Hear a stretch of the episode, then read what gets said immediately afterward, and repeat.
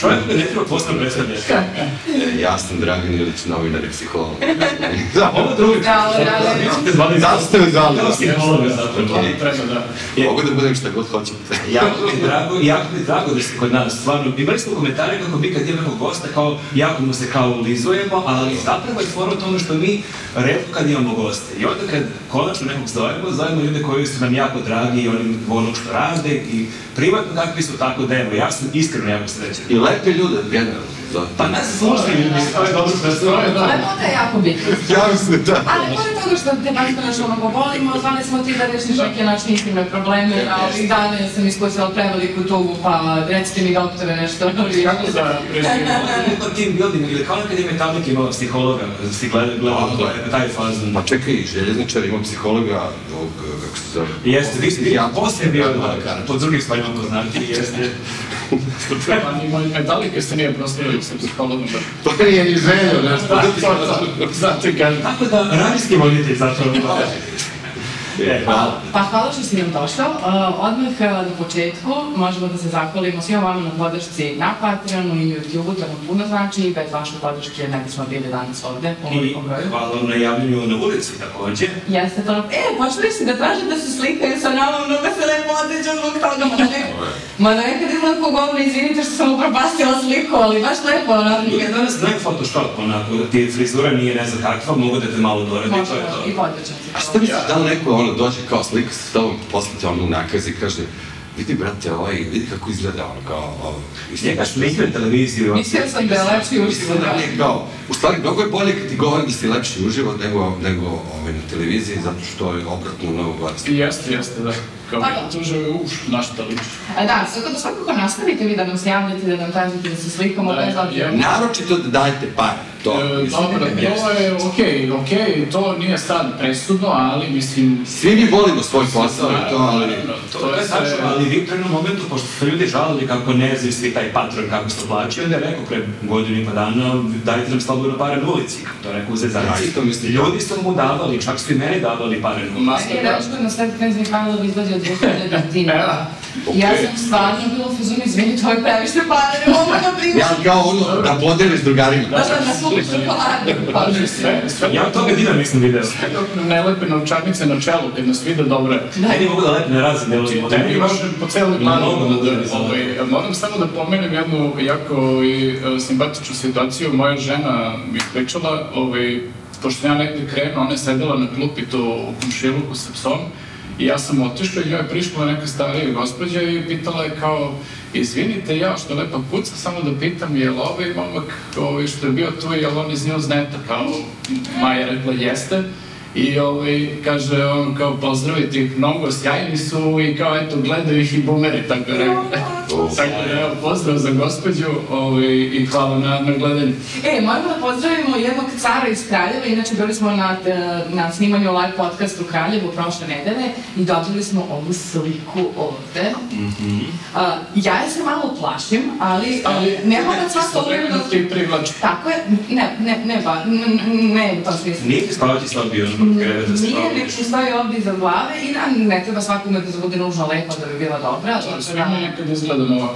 Jeste, ako se probudim posle ono, duge noći u gradu, definitivno. Ja na pola slika, kad mi se neko slika sa mnom, ljudi koji prate podcast ovako veliki ispadnem, Eto, Da, ono, ona slika koju objavim kao selfie je četiri pre toga ovako. Da, da, da. I o, kad smo već kod zahvaljivanja, da se zahvalimo i našim prijateljima podcasta, a, podcasta, Podcasta. podcasta, pardon, pardon my language, a, tu je sa nama i ove nedelje Converse, imamo i ove lepe maje. jeste? Evo jedno patike. Evo. Ona samo sluša poput lepe brene, Dragan mu udario nogom u glavu. E, a, inače, ovaj, to, to je nalazi u pitanje kao koliko se pa, pari crvenih starki imaš, znači ja, to mi je fetiš. Aha. Dobro, svako ima nešto. Čekaj, to imaš već ono godina, godina. Godina, da, da, još su sredina prošli vek. Kad je počelo da se to manifestuje. Prvi samit nesvrstanih sam se A, mi ćemo svakako da vam ostavimo u opisu ovog videa link ka njihovom shopu. U toku je mesec Prajda, gde imaju specijalnu ediciju patike koje se meni baš jako sviđa i super mi je što su pružili podršku LGBTQ zajednici, a takođe ide, ide i festivali, pa boga mi, lepo je da se opremite za čipanje. Festivalski neki model, da. Tako je, tako kao je. imaš ono, naš patike za basket, patike za trčanje, patike za festival, to je stvarno treba imati. Ja treba malo to šarene boje, ovo ono, da se to nekako istaknete kod je čela, Pa, ovdje stvarno možete Da, mislim, znaš šta, patike za festival moraju stvarno da budu, ne znam sad kako su ove njihove, ali moraju da budu kao, ono, znaš, izdržljive, da mogu da podnesu svašta i prašinu i blato i pijane Britanci koji te gaze i, znaš, a, tako da... A ti ti Britanci gaze Japanke, slavno. Da, da, što osim što To, to sam stvarno... I vegani. Dođu na festival od papučama, kao je okej. A, inače, Dragane, za tebe smo spremili jedan poklon koji te čeka u Knezu, u, u Kondor shopu, možeš da ideš da bereš nekoliku majicu. Ja ti predlažem ovo sa cvetićima, zato što se meni to ne Te- Tebi lepše to je nego meni, ali okej. Ali istaći će ti oči. Dobro. Znaš, zbog toga. A, I a, naravno želimo da zahvalimo i našem drugom prijatelju, a to je a, Manč. Imamo i jedan poklon isto za tebe. Čekaj. Šta je ovo. Čovjek je kaže, ovaj mali omnož mi imak stavizi, kada naš je poklon. Da, i- E, biomet, čoveče. Je, predali smo- ti super ceker e, i primjer Odlično. za ključeve. Uh, najavljivali smo pred prošlog popkasta da je Manč ima saradnju sa Dečko Car brandom. Uh, konačno je izašlo, izašlo. Evo, uh, Evo, šolje.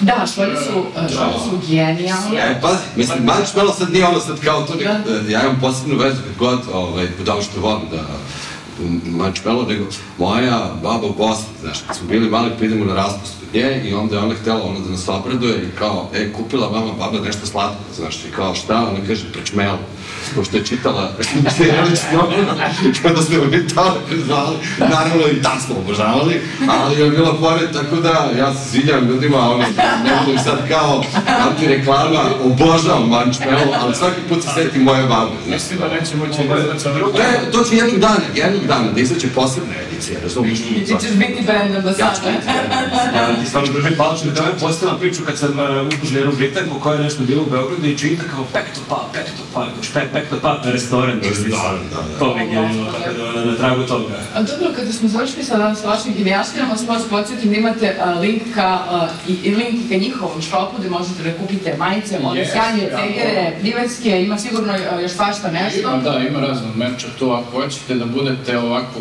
kulio, A, Znači, poludeć, mene je danas rekao, ja ću da nosim folio majicu zato što mi je baš kulio. Sreće imamo montažera koji će ovdje lepo da istaksa priču. E, a, dobro, mislim da sada a, možemo da krenemo na a, onaj glavni deo zbog kog smo se okupili danas. Oficijalno. Da, to je ono Zlatiborac, China. Jeste, ulaz ovdje od tamburaša i Kako je krenuo? Znaš li kad su bili zapravo sad kad smo počeli, tako da to je neki koncept. Reakcije, da svi naši gosti koji dođe razjagu naš sistem, odnosno moju strukturu, mali, kogod sedne, nekako uspe da sve Dobro, ali to, iz toga se izrode dobre ideje, znači nikad ne Veliki. Tam buraši da nam uđe u podcast. Ovaj čovjek je na radiju već skoro 100 godina, on zna šta radi, on, to je... E, sad da smo na radiju, sad nismo muzika. znaš šta? Mene je super da sam Draganu pričao, pa koliko traje 3 sata? 3 sata, bre, ali ja sam čovjek rade, ja to moram, formatiran mozak, ono. Tako je, stvarno je. Radio je podcast pre podcasta u neku ruku, samo eto malo manje, sa manjim formatom. Mi nismo znali 30 godina da smo Slušaš podcast, ima svakih 9 minuta, pa uzmeš, pusti pesmu, onda da nastaviš tamo. Jel to ono kad gledaš na YouTube, one žute tačkice, Jeste, reklama? tako je pesma. Ja sam čuo pola rečanica, on priča, priča, priča, pa dođe 9 minuta, samo se na polu ugasi, kao Da, bez da. obzira da li je kraj ili nije Sad kraj, samo šuti, da da kao kreće neka Sad muzika. ide pesma, da. A dobro, ali ćemo da krenemo od serija, ćemo da krenemo od filmova, uh, kako ćemo da... Da krećemo od serije, ali evo nek naš dragi gost. Slobodno Ne, a stvarno ste me ono bacili, zato što, pazi, ovaj, e, e, kod serija, pa razmišljao sam, pošto pišem tu, ovaj, gledam gomilu stvari, sad treba ne, nešto od toga da se probere iz kolumnu za temama. Jeste, to radimo redovno. E, hvala. I, I to ja mislim da što tamo u vremenu ima neka večita, rang lista večitih, ono, sad trenutno mislim da smo Teofil i ja, ono, redosled, i ono kažem, pa ne mora baš tako, znaš, kao, tačno, Kako si napisao kolumniju? pa od, dve, od 2002. Uje. Da, 21 godine, da, od tada.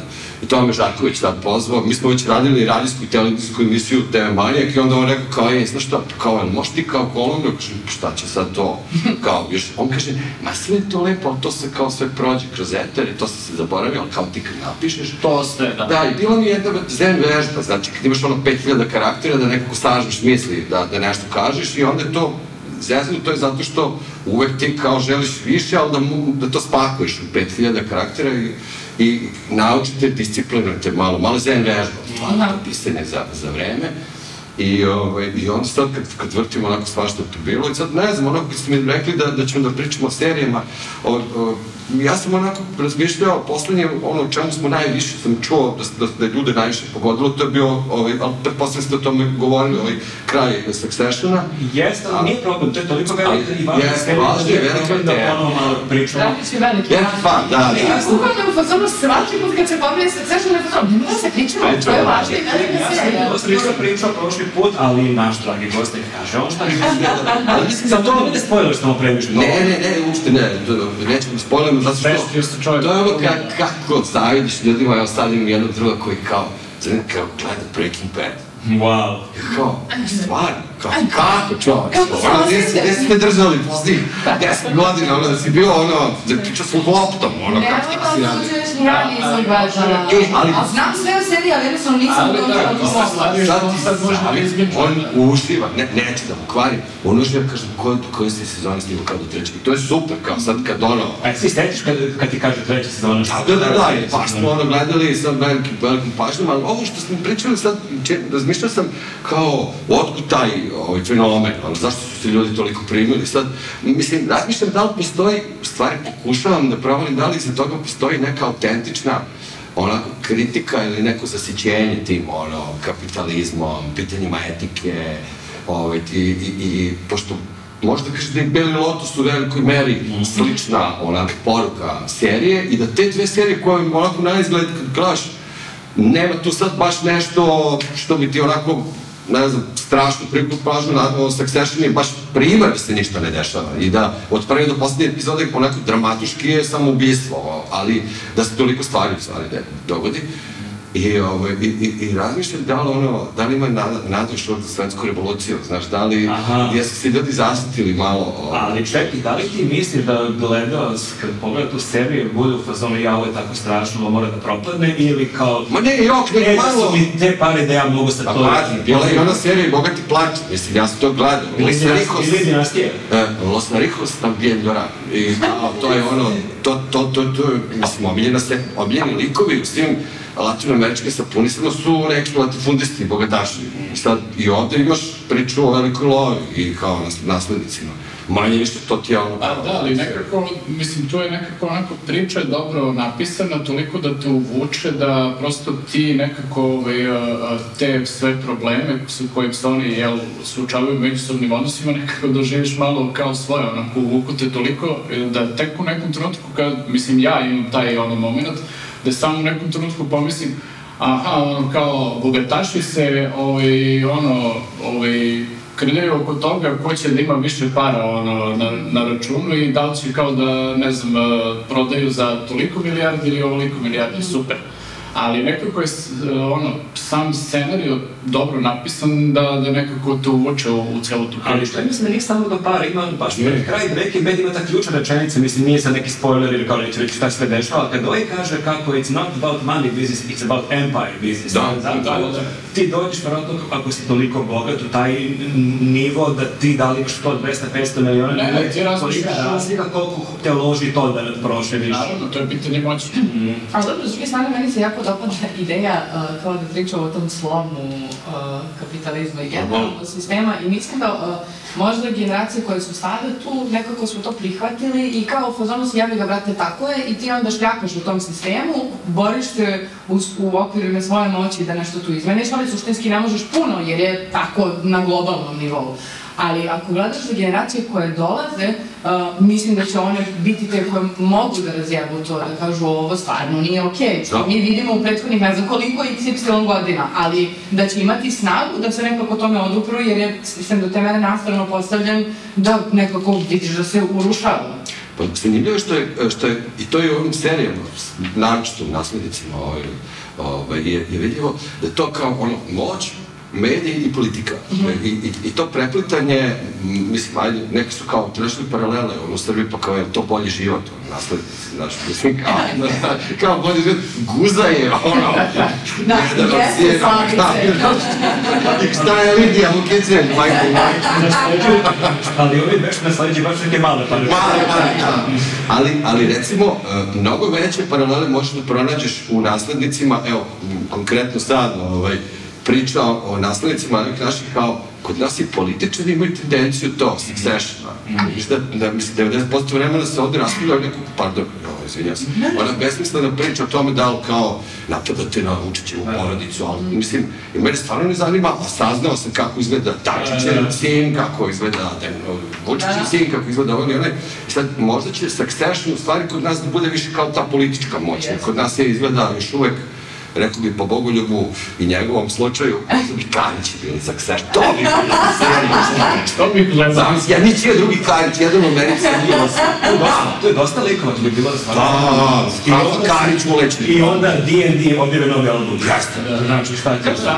Ja mislim da oni nisu odustali od muzike. No, stilnici. Čak sam videla da neki su objavili bre neki duet, že muž i žena, ali oni su uspodi graditelji, ja ih znam zato što grade po Kragujevcu i sad je tu kao ovaj palas, onaj palas i bam, odjedno kao simpatični duet uh, muža i žene. Ja sad da mi umesto, što tu kolumnu za vreme pišeš, sedi napiši lepo Successionu, Karić ima i jedan. Pa ne, zato što je, ima, znači, jedna od reakcija za Karić je to kad smo radili tema manijaka, ono, na radio, bila jednom posle sad zvoni telefon, fiksni. A je, Dragane, tražite neko, kaže, dobar dan, Bogo, pitajte me manijak, kažem, jesam. Slušaj bre, ima para konsolante, ima sve da vas kupim i da vam dam novu guzicu. Tako je rekao, mislim, nije kupio. Znam da zvojko, ali ko da je kupio, mislim, posle. To baš tebe zove. E, zato što je bilo nekoj epizodi, e, oni su, mi smo nešto komentarisali, oni njihov porodični band, oni svirali su nešto, pogledali bili basisti. Čekaj, njega gitarista, da je basista. Aha. To je ključni čovjek u bandu. Da. Pardon, U pardon. stoncima, znaš to, Bill Wine, razumeš? Le, levi motorpedal. Pa da, u stari, nisi levi zbog ono brka. Artist, artist previously known as brka. Tako da, ti kad pogledaš taj Succession, jeste univerzalna priča, pogotovo je nama friška zbog ove naše tranzicije i prvobitne akumulacije kapitala, gde je to stvarno sturalo, ti si gledao ti mačinu iz prvog reda, ništa nisi mogao da uradiš, što kaže Jelosaveta, i tek možda sledeće generacije, zahvaljujući možda ovim nekakvom drugačijem modelu poslovanja, freelansu i tako dalje, može malo da se izvuče. Ne, neki čudan način i korona doprinala tome, da smo pokazali da možeš da, da imaš te nekakve vrste alternativnog zaposlenja koji moraju da budu korporacije. Kao što je recimo podcast. Podcast, na primer, da. A i ne samo da izaš vega, ne samo to, nego mislim da mlade generacije u tom smislu oni imaju uh, svest o tom nekom nasleđu i znaš ono kao, znaš ti ko je on? Da, da, da. Klinci u fuzonu, boli me uvo, ko je lik, on je bljakse i A kao... to ste videli u seriji, taj slukop, to imaš stara, ta tu pričaju prošle nedelje, prošle podcast imaš tu staru medijskog ono, manata korporacije, i te Novi neki šveđani, se Pometio, da. Barka prasa, recimo. postao milijarder za dve, tri godine koju fazon ja ću da kupim kao I kao, da, ja ne jebem principe po kojim vi poslujete, ja sam ono nova Da, generacija. vas je pregazilo vreme, vi umirete, ja, ja sam ono. Ali- Ali meni se zanimljivo, ne znam ono, da li si o tome pisao, u toj seriji bi baš nekako fenomen, i to sam isto malo pričao prošli put, koliko su svi likovi zapravo odvratni i Da. koliko... Nema pozitivni. Ne- nema- Ima jedan pozitivan lik. Ja sam razmišljao, ko mi je, ko je tebi? Pa mislim, moj jedini pozitivan lik je bivša žena Kendallova. Aha, ali ovo je druga strana. Koja odluči da izađe iz te, mislim, prosto je ono, jedan jedini lik je kao pozitivan koji ne želi da. Ali na njima ali Da, je baš bilo u fazonu, jer vi vidite šta radite, ono, kao idem ja iz ovoga, da. Je- Jedan jedini pozitivan lik je žena.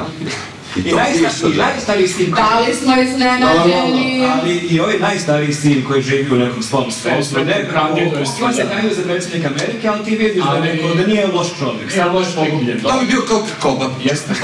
Pa je samo što Moram ono. da- A to je kako bi spazi ima... Koji? Prvi, drugi, treći, Da, ono, odnosno- treću generaciju. Ima i Da, ovaj, ranije je bilo ono, sećate kad je bila aktuelna House of Cards, pa je kao bilo tu paralela Srbs, Srbi, srpski House of Cards i ovo što se dešava, zapravo je bila loša paralela, jer to je ipak ono onako politika na nekom visokom nivou, za razliku od ove naše. Duboko je ono u američkom političkom sistemu. Tako je, da. I a, o, za razliku od ovog nešto koje je blato i sad bukvalno je, je succession to, znači ti bukvalno imaš a, te borbe, samo što nemaš privatni kapital, nego se vode borbe oko državnog kapitala, oko poreskih para. To je... Najčudnije i najstrašnije što je ovaj, autor serije jako fasciniran porodicom Martika.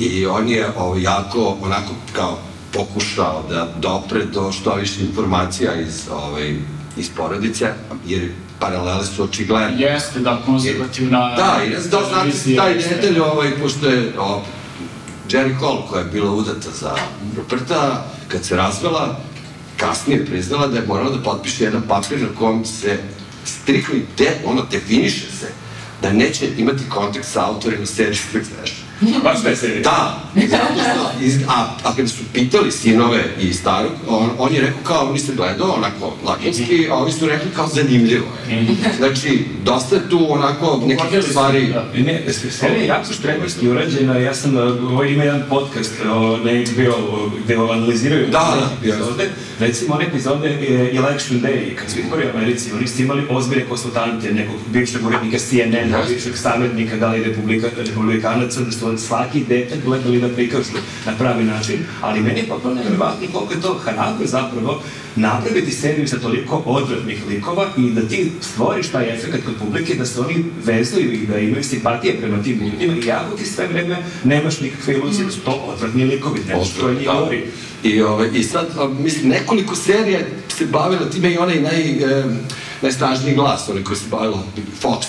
Ovaj, e, pa eto, i taj Bijeli Lotus u kojem je taj, ne znam, taj, da kažem, svet kapitalizma koji je došao u ovu fazu tog, ovaj, ne znam, Terminalnu fazu. terminalnu fazu, slažem se, da, i, i onda desilo se da, da sam, ovaj, razmišljao sam to, i svi su, koliko su gledali seriju, razmišljali da će bude sledeća sezona, pa smo uhvatili neki hint, ono, da će Pečić. moći da budu. E, ja sam razmišljao da li ima, pošto Succession ima u Dubrovniku, ne, znači deo, onako, prođu tamo. Jeste, Dubrovnik, jeste. e, čilipe se vide i tako, i sad sam razmišljao, sjaj ti sad Beli Lotus, da li je mogući Beli Lotus u Crnoj Gori? Brate, nije.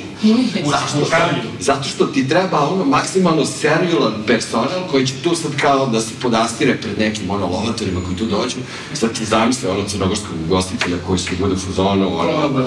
da, kraj sezone, sad idi kuvaj kafu sam. Ne znam da su spominjali neki Indonezija neka. Ja mislim da će bude Azija. Jeste, nije Tajland, Tajland. ali. Tajland, da. Se sećaš ono James Bond, onaj Casino Royale što je šansu snimano u Crne Gori, neki ono brzi voz i on kao piju kafu ispred kazina, ono neki barokni trg. U Crnoj Gori brzi voz, Barokni trg. Lazar Istovski, kockar, ono, pošao puk, ono, za stolom. E, užasno bolno mlačenje uh, James Bonda onim po, od ozdo po, sa šupljim stolicom po genitalijama i u to vreme Jelena Krlaviša pesmu napravi mi sina pod svetlima kazina. Znači, snimljena u Splendidu, ono, Majka od sveta, kako Znači, vidiš kako se ono pop kultura spaja. sve se spaja, da. Samo fali Đugali, ono, ponadno. Ti sećaš, bila si mala kad išla emisija TV Manijak na B92. Pa ne. Ne, Ja sam kada prvi put tebe video i ja sam bio dušljen toj emisijama, a bio sam ti posebno zahvalan što si baš izvlačio neke emisije s nekih lokalnih televizija, ti si mi otkrio emisiju sa teme Bijeljenje svijete renomea. Renomea, tako. To je meni toliko bilo smešno, samo taj naziv. Naziv, Svijet redu. renomea. Mislim, sve Danas je Svijet renomea. Da, u nekoj verziji da Renome Records i dalje postoji. To ima dve, zašto kuću Gold i Renome. I, I super je jingle onako kao da špevaju, kaže, to je svijet renomea, to je čarobni svijet. I sad ono pojavi se neki, znaš ono, wannabe artisti koji ima, ovih se imaju kintu da je snima spot u nekako. I, ovaj, i dalje to piste. To je dobar biznis model, očito, to je preko 20 godina. Jeste, jeste.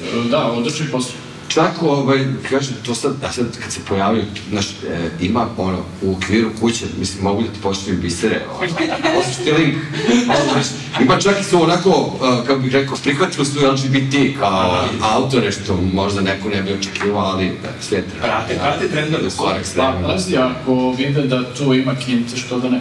Morate pitati da se priča o Successionu i o autorima i jesi li gledao možda, ja sam se baš jako obradovao kad sam shvatio da je isti čovjek koji je pisao Succession pisao pred nekih 15 godina film, eh, britanski film Four Lions. Jeste, jeste. To je Da, da, genijalno. To je oni wanna be teroristi. To je bukvalno jedan od boljih filmova. Jeste. E, ali da se pitam to, apropo, znaš, ja- imaš dve vrste ljudi, ja sam trud, znaš, ono, imaš ljudi koji kad počne serija, ne znam, tako, moj kum Goran Dimitrijević, ili on kao sve pročita o tom, znaš, ja sam u fuzonu, neću, kao, nekako sam u fuzonu da, da, da imam svoj, kao, utisak, posle toga, naravno, kao, da, da. pogledam, ali se plašim nekog tog, ba, Ja ono, to da, istraživanje, da, bar ono dok se serija ne završi, pa posle kao... Posle mogu, da, to, tako da sam to nakon otkrio sve logike, u logično. četvrti sezoni i Da. ja sam potpuno oduševljen. To je, ne znam da si gledao taj film, to je film o četvorici uh, mladih muslimana u Britaniji koji hoće da budu on, fundamentalisti i teroristi.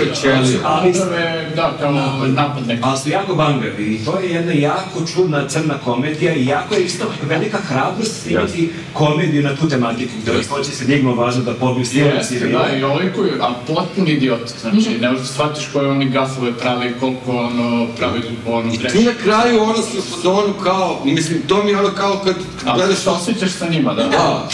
Pa kao to se je Succession, da, da. isto, kao imaš ljude koji su baš nekako i seriji negativne, ali negde imaš neko Ili ne znam, South Park u nekim ono, baš kao krajnjim ono, znaš, ono, Ali pazi, meni to nije toliko čudno, mislim, ima i ova serija, uh, ja sam nju negde počeo da gledam u isto vreme sa Succession Billions, se zove. aha. Uh, koje To je Ivana gledala, ja, ja, ja nisam je isto Ja mene serija. frustrirao. Da, da, to je isto serija, ja, ja volim inače takve serije koje se bave tim finansijskim svetom i tim ludilima. On je ekonomski novinar neki. Pa ja što imam za ekonomiju isto kao sad. E, Štreberi. I, ovaj, i, hoću da kažem da je to serija gdje isto nemaš pozitivne like. Da, da, da. To je prosto takav svet. Znači, nema, u takvom svetu ako hoćeš kao da opstaneš, prosto ne možeš da budeš ni normalan, ni pozitivan. To je, to je, nastao, pravo si, to je potpuno I uključivo. totalno je, totalno je ono sa te strane isto kao ovaj, uh, Succession, samo što se ti tu vežeš, ne znam, kod ovog glavnog lika, uh, ovaj, ne mogu se setiti kako se zove britanski glumac. Axel, da. Ovaj, uh, ti se kod njega vežeš za njegovu harizmu, jer je on jako harizmatičan i u svemu što radi je tako ono napaljen Ko Željko Mitrović. Pa recimo, ajde, samo Ti ne što to samo bez ono, Mi radimo... On je kanal, Da, mi moramo da ga pustimo da da, to samo, ide. samo nema dronova. Mene stvarno te serije niste ne gledaš uvek i hoću da je gledam, ali sam od više ljudi, uključujući, ja mislim, tebe, čuo da pada kvalitet kako odmiču sezoni. To me malo beskrajno. Uh, pada u nekom trenutku, ali uh, oni su u jednom trenutku uh, Damian, Lewis, Damian uh, Lewis, ja mislim da se zove ovaj glavni lik, uh, ovaj, njega zamenu u jednom trenutku jer on više nije hteo da glumi tu ulogu zato što je shvatio da ga uh, usisava ta uloga do te mere da neće moći da, da se odvoji od toga kasnije u karijeri. Evo, bez spojlovanja, pogledaj seriju, Da. serija je dobra, ja sam, A, ja, A ti si gledao to? Jes, naravno. Ove, da, u nekom trenutku oni zamene njega, dođe novi lik u priču i tu je kao nekim ljudima malo pao kvalitet. Meni to naravno nije na tom nivou kao što je bilo ranije, ali dalje je radnja... Tako je, smo je dobro. zamenili u srećem I ljudima i jeste- nije pao kvalitet. E, evo sad isto je istina i laž. Ajde. Zlatan Umanagić ponovo menja eh, glavnu glumicu. Jeste. Misliš? Milica Milš, jedan nestane Milica Milša pojavi sa Zlatan je Umanagić. njena I svi se A. Milica Milša se pojavi u seriji paralelno samo na Pinku, a ovi idu na prvi, znači ona žena, ono, ovi ljudi više ne znaju šta gledaju. ja samo zbunjujem za snimajući dan i Pa da, ono kao A niko ne provode razlike. Ja sam fazonu da još nisu provali, to planiram da pišem, e, sad spojlava se, znači tekst u vremena. Kao, pošto moja keva uvijek se bere jednu seriju i gleda. I sad ja zezam ono u fazonu, čekaj brate, pa ti sad kao pratiš dve serije, ova tvoja glumica iz jedne serije prašnu u drugu. A su slični likovi, Milica Milša. Znaš kao, isto peva, Lik je bio inspiracione, to, matrijarhe, to oni glavna. Sad samo jednom Milica Mišore sa prve skot otišla na Pink, drugačije se zove, ono, prezime, a sve isto.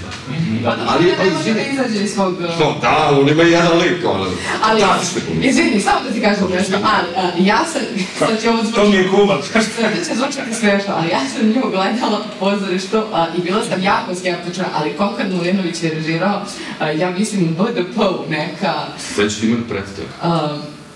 Da me ubije, šta ne mogu da se setim, ali... Izgooglat ću. Uh, izgooglat ću posle...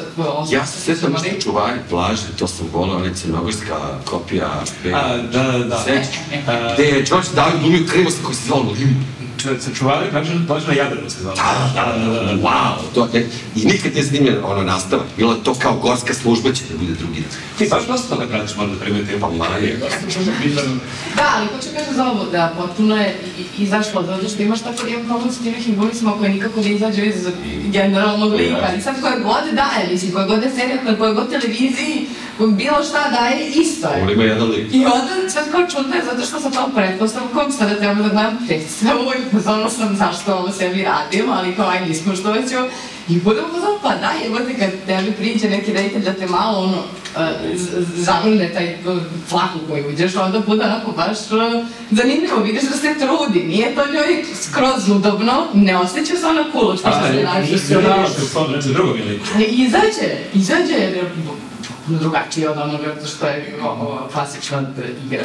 To da, ja, ja ti predlažem, ono, meni su isto hvalili da je Bosnić fenomenalan, ovaj, recimo znam da je sa Natašom Marković igrao u Madalijanima u Jarnicima i, i da su, ono, i čovjek dobro peva, ali meni je ono, 8. mart, resitali, kao, znaš, Da, da. Ja mislim da sam gledala kad smo bili e, na faksu, išli smo gledali neki musical koji inače ne goti tu, tu, tu kao taj žan formu, a, ali gledala sam i to sve proper izgleda, mislim, zato što si ti naviku da ga gledaš kod doktora i ne znam ja, A, ja, ja, ja, u Euromediku traži Bosnić, i stvari sam vodim u da pregleda. Znaš da sam jednom stao ispod billboarda, pomislio sam šta mu piše napis. Ali ne može da pišeš ime prezime, to je prevara. Piše, Išta, piše doktor. Išta, ali ne znam, znam. Ja sam bio u on nije doktor, ne može da... Da, ja, pazi, ja sam bio u fazonu, jednom sam parkirao ispod billboarda, kuljam se da vidim šta mu piše, jer sam bio u fazonu, pazi, korektno bi bilo ono da samo piše glumac, okej, ti kad voziš, vidiš Bosnićiću. Jel da piše Petar Petrović doktor? Da, ono, ko na karticama, Evidentno, evidentno da nije. Evo, mladno piše doktor. Onda sad dođeš, Je Dragan Ilić doktor. ja, doktor. Imali su neku ideju, ali nisu je do kraja. I onda kao, doktorka Slobodan Mičalović, doktor Bosničić i Moja je tako. izabrana doktorka Sloboda. Jeste urolog. I onda, ovaj, kad se pomenuo o sebi, samo da se nadođe za ovaj pilio se, to, Samo, ne bi sve ko mi nervirao. Odmiče se jako mikrofona, mislim da će se slabije čuti. Viče. Ne, ne, odmiče se Odmiče jako. Ovaj, Nije on isti romožan mikrofon. Nije ovo agijelac, znači. Ne, ne kroca baš. E, To naši gledalci najviše vole. Dobrodošli u jutarnji program. Nadam se da i vama neprijatno kao i nama ovdje sada. Lučimo hormon. Ovako ćeš pristati na kraju. Samo ćemo da, ono, živimo sobstvenog glasa. Ovaj, e, Da, bili Ono što mi je posebno nerviralo u Phineas, zato što je jedna od a, glavnih likova je psiholog, koja je kao HR. Mislim, to bi se kod nas tako zvalo. Malo je bilo u sukobu interesa, da? Jeste, da. Ona, sukob i ta serija je govorila o jednom periodu u Americi gde je kao bio odnos, kao nadmetanje između medija i politike, kao ko, ko, ko tu je padnaš, velika lova ili politika, e, ko- će da preozme primat. To je bilo karakteristično za vreme Trumpa. Mislim svaka serija koja je popularna u Americi je negde ogledalo aktualne situacije tamo. I to je bilo vreme Trumpa. Da li velika lova može da bude jača od politike? I to je bukvalno bili on, ono, ne, neka osnova te serije. A onda sam dugo razmišljao kao psiholog, ovaj, zato što je tamo jako dobro prikazan jedan onako lik e, žene, e, psihologa, vrlo inteligentne, rekao bih čak i onako koliko sam mogao da, i stručna, koja koristi svoje psihološko znanje u, svrhu manipulacije. Je, da. Ona stvari priprema e, te kao, znaš, ono, pitbullove, ove, ove brokere, da budu još krvoločniji, da, da kao, da ih motiviše, ona ima te neke nevrovatne načine, individualni rad, i tako dalje, i tako dalje. Misliš, šalje lošu sliku o tvojoj profesiji. Apsolutno. Jer e, Ali pojenta toga, je, ali toga sigurno ima negde. kako da ne, sad kad razgovaram s kolegama, to, da. Znaš, e, kad razgovaram s kolegama koji, koji znaš, HR ti je vrlo sad čest posao i poželjen posao za psihologe. I ti kao možeš da naučiš mnogi stvari, tu sad i da ih ono primeniš ili, ne, to osnovno je pitanje na čiji si ti strani. Jesi ti na strani zaposlenog ili korporacije? Tebe zapošljava korporacija i ti u glavi imaš jedan, to je dobra dihotomija koja je prikazana i u tom liku. To je kao uloga psihologa u nekoj velikoj korporaciji. Možeš ti sebe da tešiš time da kao, ako mi kao svi budemo dobro radili, kompanija će da radi bolje, mi ćemo svima će da bude bolje, ali u suštini e, to se pronalaze načine na koje ti treba da o, iscijediš svoje zaposlene do krajnjih granica da oni još budu i srećni. Apsolutno ti zahvale tamo. I onda sam u fazonu, ovo ovde je ono kao baš dobro prikazan taj kao, pa jeste on onako kao demonski je malo Da, ne da, Ali totalno je demonski, a pritom imaš još taj rascep uh, gde je ona uh, sa jedne strane zaposlena u toj brokerskoj firmi gde trenira te pitbullove, a sa druge strane ona je udata za državnog tužioca koji njih ganje. Da, pošto je ona između dva sveta. I I ona je spoj. između, da. Ali, spoj. da, mislim, kad smo pomenuli ono kao štreberska priprema serije, ovo isto to, ovo je jako dobro naučeno, ono, i, i sve je, ono, baš ušli u taj svet, ono, do, baš sam čitao neki tekst o tome koliko je zapravo sve to prilično realno. Kao da si uzeo ono, kao cijelu tu priču sa Wall Streeta, brokerske kući, to i stavio na papir. Ali to mi kad sam gledao, Uz to mi je- dramatizaciju, to je bilo malo kako gledaš one serije, ono, ono, stvari na ovim kabelskim kanalima, ono, e, plastične operacije, pa kao Boč. se prikazuju, ono, da, da, kao sve, kao nekom rastavljaju Jeste, isto se- nos ili ne znam, ono, u- usisavaju stalo, jer kao to mi je toliko bilo, e, na tom nivou, visceralno mi je bilo, ono, što teško da I šta je apelujemo na življenju da te to više ne radi. Dakle, ako vidite neka serija... Ne, ono bile zbog Gleda stalno, pa da. Zato ja gledam recimo na Happy Ispa, e, ovaj kao one kvazi, e, do, kvazi igrane serije, to vam preporučujem. Evo, dakle, ako je to jedna serija. Čirilica. Ne, ne, ne, ma dobro, ovo... Postoji jedan poseban žanr koji ja koji kod nas to cveta, ljudi nisu obratili toliko pažnju, to se... Provodačija? Ne provodačija, nego sudbine ili kao životne priče, gde ti imaš potpuno, znači, izb- izbačeni skript, izbačeni su glumci, izbačena je režija. Imaš samo natuščike koji čitaju sa papira, razumeš? A to su kao neke životne situacije na nivou Hercno Maja.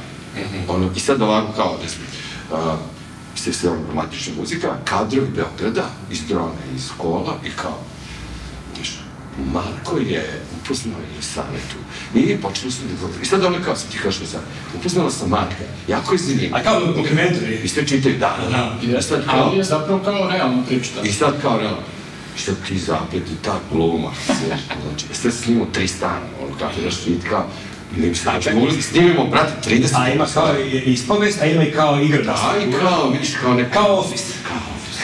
Pa skoro, da. I sad kao, pazi, to je jedna vrlo otvorena forma. I može da se uvaci ko ja što, znaš samo, da su ovi malo sad kao štriti, znaš, kao, tu bi mogli svašta da se napravi. Da, meni je, što se tiče tih Zove programa... se sudbine. E, sudbine, da. Meni se ipak, što se tiče tih programa uh, ko, koje gledaš i kao generišu ti onako ogromnu neprijatnost, provodađija mi je ubedljivo ono naj... Provodači se deo protestovao. Jel to ono da kad... Te lože samce. Uh, da, je- ona riba koja je sad spremna za udaju i kaže uh, čime se baviš, pa on kaže dobro. Uh, radim pompi. često su bili ti neki isrčci koji su, mislim, to često pređe sve granice. Jeste, i ne samo- manipulacija, baš strašno. Manipulacija, ali, znaš, pa, pređu neke granice etičke, ne... Da, da, da, da. Znaš, to... Pazi, evo, koju bi kitu sad išla da upoznaš dva ili tri usamljena muškarca, 30 plus, koji stvarno poveruju da si ti stvarno došla da se možda udaš za neku od njih.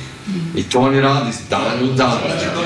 To je najstrašniji reality, možda meni gore da. Znači, to nije fingirano, ali stvarno. Ne, oni stvarno dođu kod nekog ustavljenog čoveka tamo koji kaže, znaš, sad ono, čim se ti baviš, on kaže, pa, ja sam u Beogradu, ja sam se, znaš, ono, a posle ih provaljaju u publici Čirilice, razumiješ, znači, to je ono, kako kažem, ono, casting. Da, Mi je sve to tužno. Tužno je, i onda sam gledao zonu, a ovi onako, znaš, znaš, onda on joj skuva kafu, napred, mislim, onako kao, Znači, te provede malo odmo na picu, tako i sad on onako, znaš, da te lebasi i to sve, i, ni, i nema, nije, to ti je ono, kao ona stvar u hiljadarci, ono, na TV 1000, ne vidi se, nikad se niko nije spumao, znači, ne, ljudi, ono, to je tako jedna jeziva manipulacija, toliko mi je žala tih ljudi koji, koji dan u dan gledaš na televiziji. Mm. to je meni gore nego zapad. Ne, to je Da, da. definitivno nešto, mislim, ja sam... Sad mi su oni barem dobrovoljno, ovi su najviše. To je To je narodu neko Da. se Da, pronaći. da, baš ti jezimo. Da, mislim, to je kao, znaš, da, da REM postoji, ovo je nešto zbog čega bi trebalo da reaguje. Kad je Stali Popović vređao one ljude na, na, na, na kastinzima, Da, da. Granda, i Da. čega, brate, živiš od njega. Da, to je to, da. Ja ne znam da ste vi vidjeli kad snimam, mislim, gledam pošvetnjaku, kad gledaš, meni je to jedna od najtužnijih stvari, to mi je isto kao slika medija, kad smo kad, ono, krenuli s medijama. Ti vidiš cijela porodica, dođe tamo su ona takmičenja za one, sve što igra. I ti viš, cijela porodica se skupila iz nekog malog mesta u Bosni, iz Srbiji ili ne znam, negde u okruženju, Makedoniji. Što, skupili kintu da obuku sine ili čer da ono kao opeva nešto tamo. To je takva žena za to je preču Kanada. selo. Da. E, Kanada i ti sad onako vidiš, oni se raspevavaju po ono, ko što neko po ono šumi, ovaj, gore oko studija. I meni to mega tužno, razumiješ. I još te posle ono, zezate Jelena Karleuša, Ceca ili Mili, ono kao, bio bi fuzonu, tako bih ono, duvao na pa nek mi izbaci šta me briga, znaš. kao. Otvaraju mi posto zvezdu na YouTube, Da. da. čisto, ono, da, slažem se. Ne, mislim, to mi je ta, kao, taj, uh, ta, ja kažem, gledaš seriju, brate, to je serija, snimljena serija, kod nas je to sve onako surovo ili realno. Mm. Pola tih ljudi e, svojevoljno ili nesvesno učestvuju u jednom ono jezivom realitiju. Mm. Da, to je ono što mi ono baš... Nažalost, da. Da. A, moram, šta Da smo... ste vi gledali? A, ko će, ko će? Ti? Mo, mogu ćeš ti?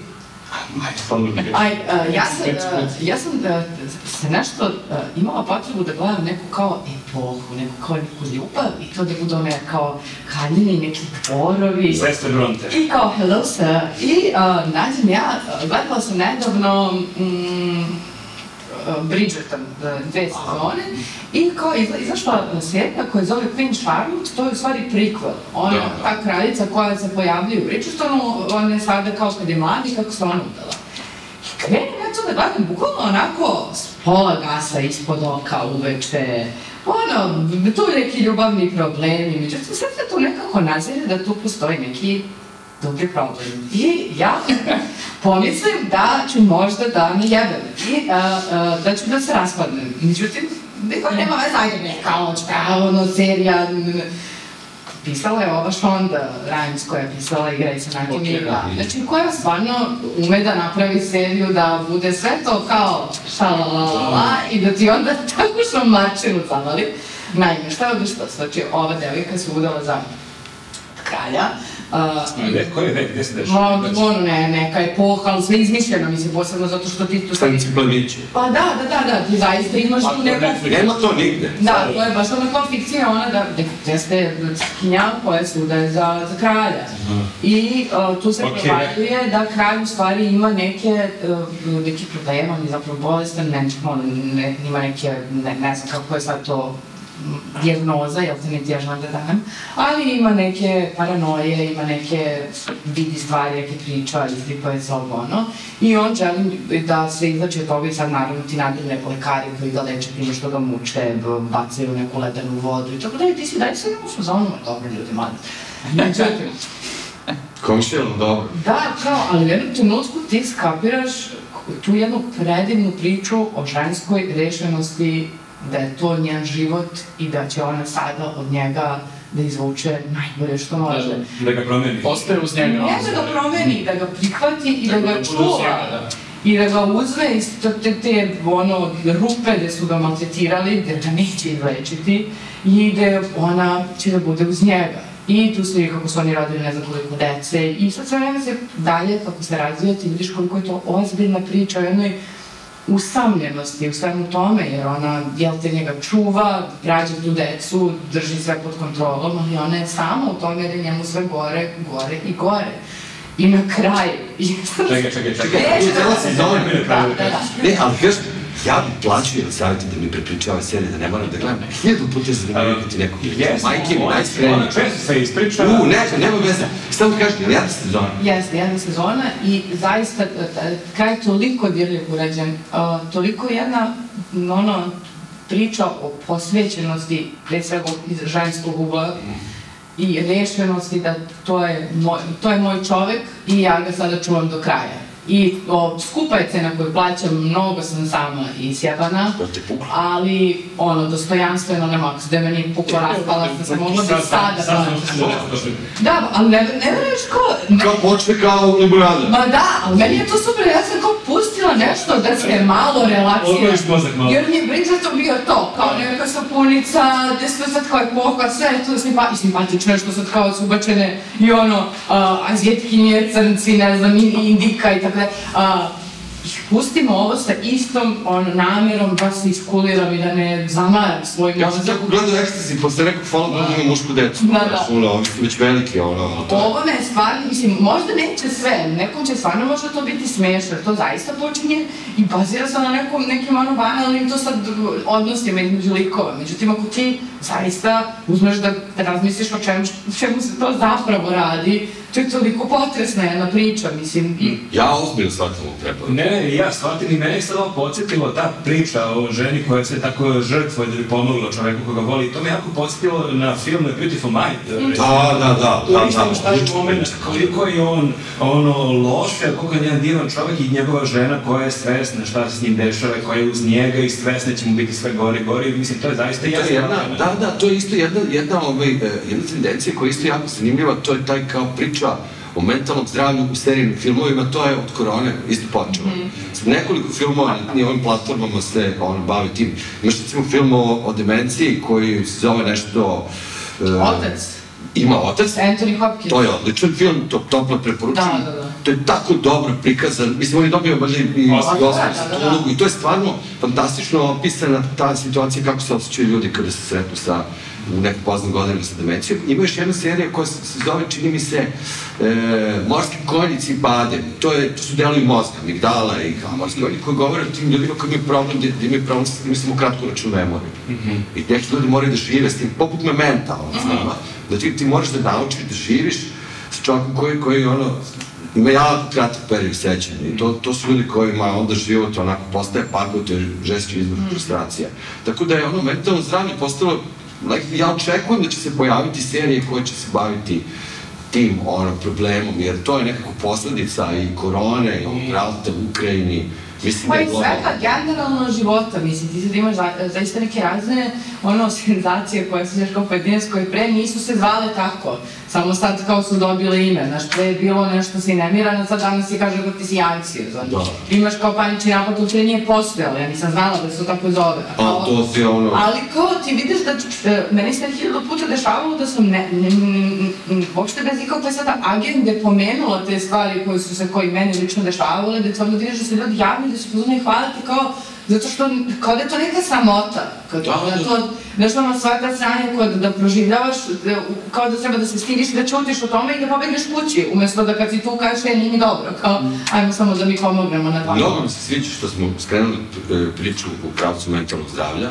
Ovaj, a, čuo sam i hvala ti, jer ste stvarno, ali sam htio da čujem tvoje mišljenje, pošto sad onako sam imao jednom trenutku ostavljenu projekciju, radim podcast i da kažem, ovaj, ja mislim, ok, svašta mogu da gledam, mogu da gledam na Happy sutra, ali Seksi grad 2 ili kako se O, šta su mu uradili, majke? I sad kad sam čuo, mislim, toliko je bila carica ova koja nije htela da igra. A pojavit će se u drugoj. Pojavit će se za veće pare. znači, ipak nije Čekala je! Znači, ko je tu mi zvezda? podižan, da, da. Kako se zove, Kim Kardashian? Uh, Kim Kardashian. I ona je... Sa man, man, Sama je najzanimljiviji. Ja mislim da je... Za I neki mi je uspjela, i malo im je Je uspjela. malo Za za, da, za, za nastavak nisu dali prosto adekvatno Ja, ja zaista mislim da je serija Seksi grad, iako sam gledala više puta, Iako radiš podcast, iako da, mislim da je stvarno odlična serija koja je donela važne teme, ženske pre svega u tom smislu, e, na, kao u javnosti, se to o tome priča, Da. da se priča o ženama kao seksualnim bićima koje se rade ovako, rade ovako, kako orgazam, kako frajeri, kako da mi možemo da menjamo, da nismo... Pritom da i LGBT zajednica kako Tako je, tako je. Apsolutno. Ali, ovo kasnije što se deš, mislim, film 1, 2, 2 i ono... Da, da, da, da. posti, mislim, ovo je, stvar. ja. Ja sam, da, ja sam, Toliko banalno. ja sam mislio da je film, ono, kad Katastrofa. pucaju to da je, da je blam, ali kad je izašlo ovaj nastavak serije, ono, film je super. Ne, ja ne bi radio podcast, mislim, posle, posle Seksi grad, a ja podcast. Nešto mi je verovatno, kako je moguće da ljudi koji su u, imali, e, ono, ima se šlifa da a, tako važne teme Da. u tom društvenom kontekstu tada iznesu na jedan tako dobar način. Ja mislim sad, da gledam sad seksi grad opet, sigurno bi bilo fazonom, ovo je glupost, mislim, ali tada kad smo gledali, bilo je, brate, da ja. Kako je moguće da ljudi onda, 2021. druge, treće, mogu toliko banalno da se bave te, te- temama, e, ne znam, non-binary, binary, uh, LGBT, sve, čak i pojavljivanje likova koji su ono afroamerikanci, ne znam, i koji drugi, samo nekako ubacivanje da se popuni Čak, znaš kao, znaš ovo imamo, kao tema, ovo takva imamo, a kako je to urađeno? Znaš zašto? Zato što ti ljudi 90-ih uh, sve te probleme i te teme koje su, kojima su se bavili u prvom, jel, seksi gradu, to su bile njihove teme, ono, da kažem, uh, ne znam da li postoji naš... Živjeli su to. Ownovali su te teme, to, to je bilo njihovo. Da. Ovo sad, uključili su se u stvari koje apsolutno generacijski više nisu njihove, uh, nisu to njihovi problemi, niti su to njihove teme, uh, a pritom nisu uzeli nikoga uh, ko jeste pripadnik generacije čije to jesu teme i ono... To ti kao grlo u jagode i jagode u grlo. Ali evo, na primer, mogli su, uh, i tekako su mogli da obrade temu gubitka partnera na bolji način. Da, da, da. Ako nije moglo sve ostalo što će školski da objasne, kao što su pročitali na Wikipediji, pa će tako da Ne, meni, samo, ovaj, uh, mislim, kapiram tu zašto se to desilo, ali dalje mi je neverovatan nivo uh, banalnosti koji su Da. oni postigli, jer to je na momente, oni se bave tim nekim temama koje si pomenula, ali ti si u fazonu, se oni se bavaju sad na konto ovoga, jer to bukvalno je karikatura, Da. nije, Da. znaš, toliko je preterano, a tragedija je kad shvatiš da su oni ozbiljni. Mm. Da. oni kao ozbiljno misle, to je neko ozbiljno napisao i ozbiljno su tako odglumili i kao ozbiljno su hteli da pošalju poruku I na... mnogo ljudi je to pročitalo, znači to nije knjiga da jedan čovjek Da, napiše. ne, to, da. da. Nisam gledao, ali znam, već me znam da pričaju o ovome i Ne, opet je ne, ne, ovako ne, koleginica ne, ne, ne. reagovala, tako da s jedne strane shvatam da je katastrofa, a s druge strane me kopka da vidim da li stvarno klika katastrofa. Ne, ja mislim da treba da pogledaš, treba da pogledaš zato što ovaj, može nama da posluži uh, kao scenaristima uh, da vidimo Kako ne treba? izgleda, ne, nego kako ako hoćemo da napišemo karikiranu seriju o nekoj temi, da se sprdamo na, na konto nekih tema, to je to, apsolutno smo su, su, super to uradili. Mm. Ja s Ali te strane to gledam. A s druge strane, kao, to je, ovo, ja tako vidim, ovaj, kao, ili savjet ovde kao povećanje, u smislu da je, ovaj, da da jednog trenutka, ako to nije tvoja priča, ovo što, što si rekao, autentično, ti prosto gubiš ono, mm. vezu s ja, ja sam recimo ta, taj utisak imao to kad sam gledao Euforiju, mm -hmm. kao tineđerska serija sad, mislim. Pazi, to je, to je ono, to bi pre 30 ili 40 godina bio onaj Beverly Hills, znaš, Da, da. znaš kad ono Dylan pije, kao meni- Brandon Znaš šta meni jako kao- smo- smorilo u euforiji, meni je to fenomenalna serija, ja sam se zanimljivo, pomalo se strašno. Ne, ne, u počinu u startu, startu me bilo da ja imam taj generacijski jaz i onda me jako smorilo kad sam shvatio da sam ja po godinama bliži roditeljima nego Tako je.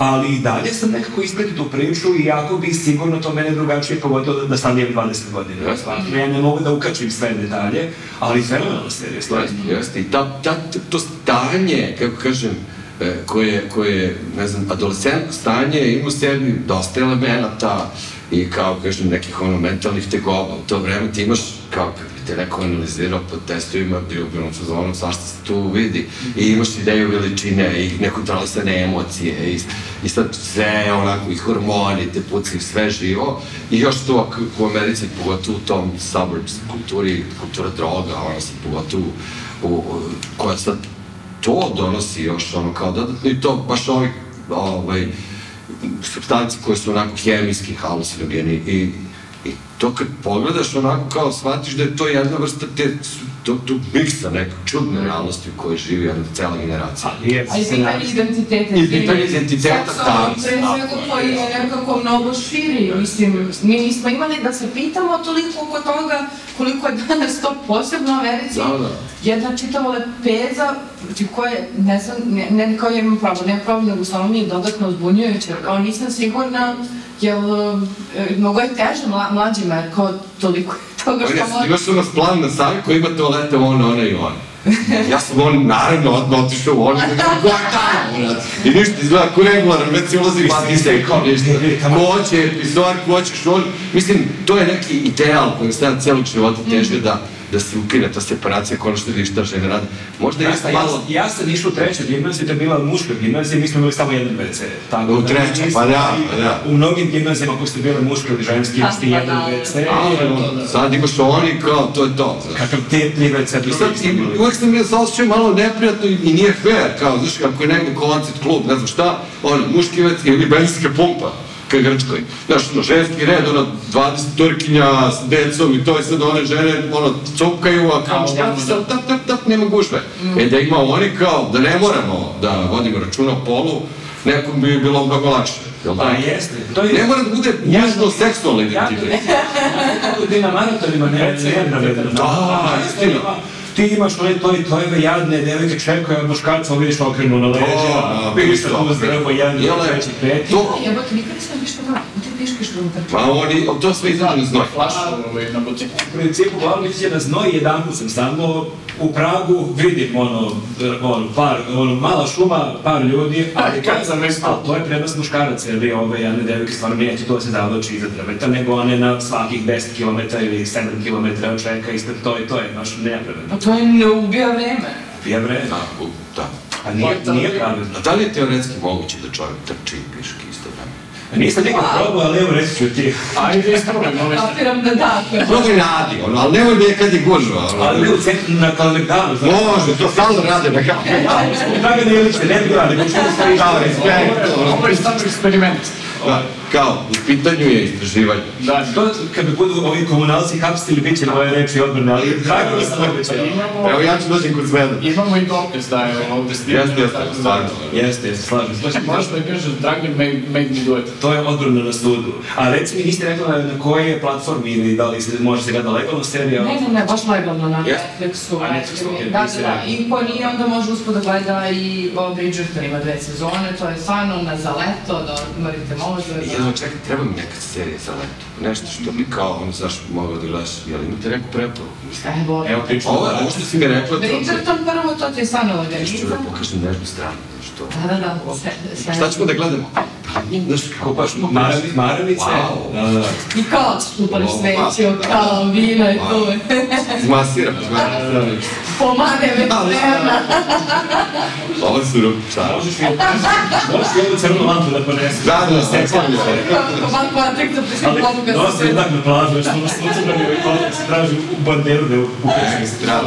Hvala, ili savjeta. Nema na čemu, tu sam da složim narod. Znao sam treba da dođeš ovde da ćeš dobiti razne ideje. A, ja sam gledao Barry, E, pa A, to mi je, a šest sezona.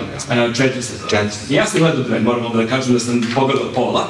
I a, ono što me raduje, iako sam pogledao tek pola, što čujem i po komentarima i po kritikama da je serija završena i da je jako dobra, da je jako dobar kraj, da ne pada kvalitet ono što čega se plaši. Pa jeste krenuo od početka?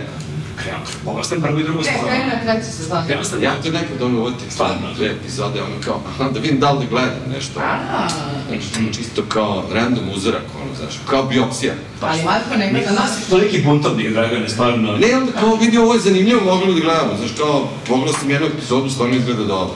Pa, ova serija je jako zanimljiva, mislim, jako zanimljiv koncept. Pritom to je pisao čovek koji se zove Alec Berg, on je pisao scenariju za Silicon Valley.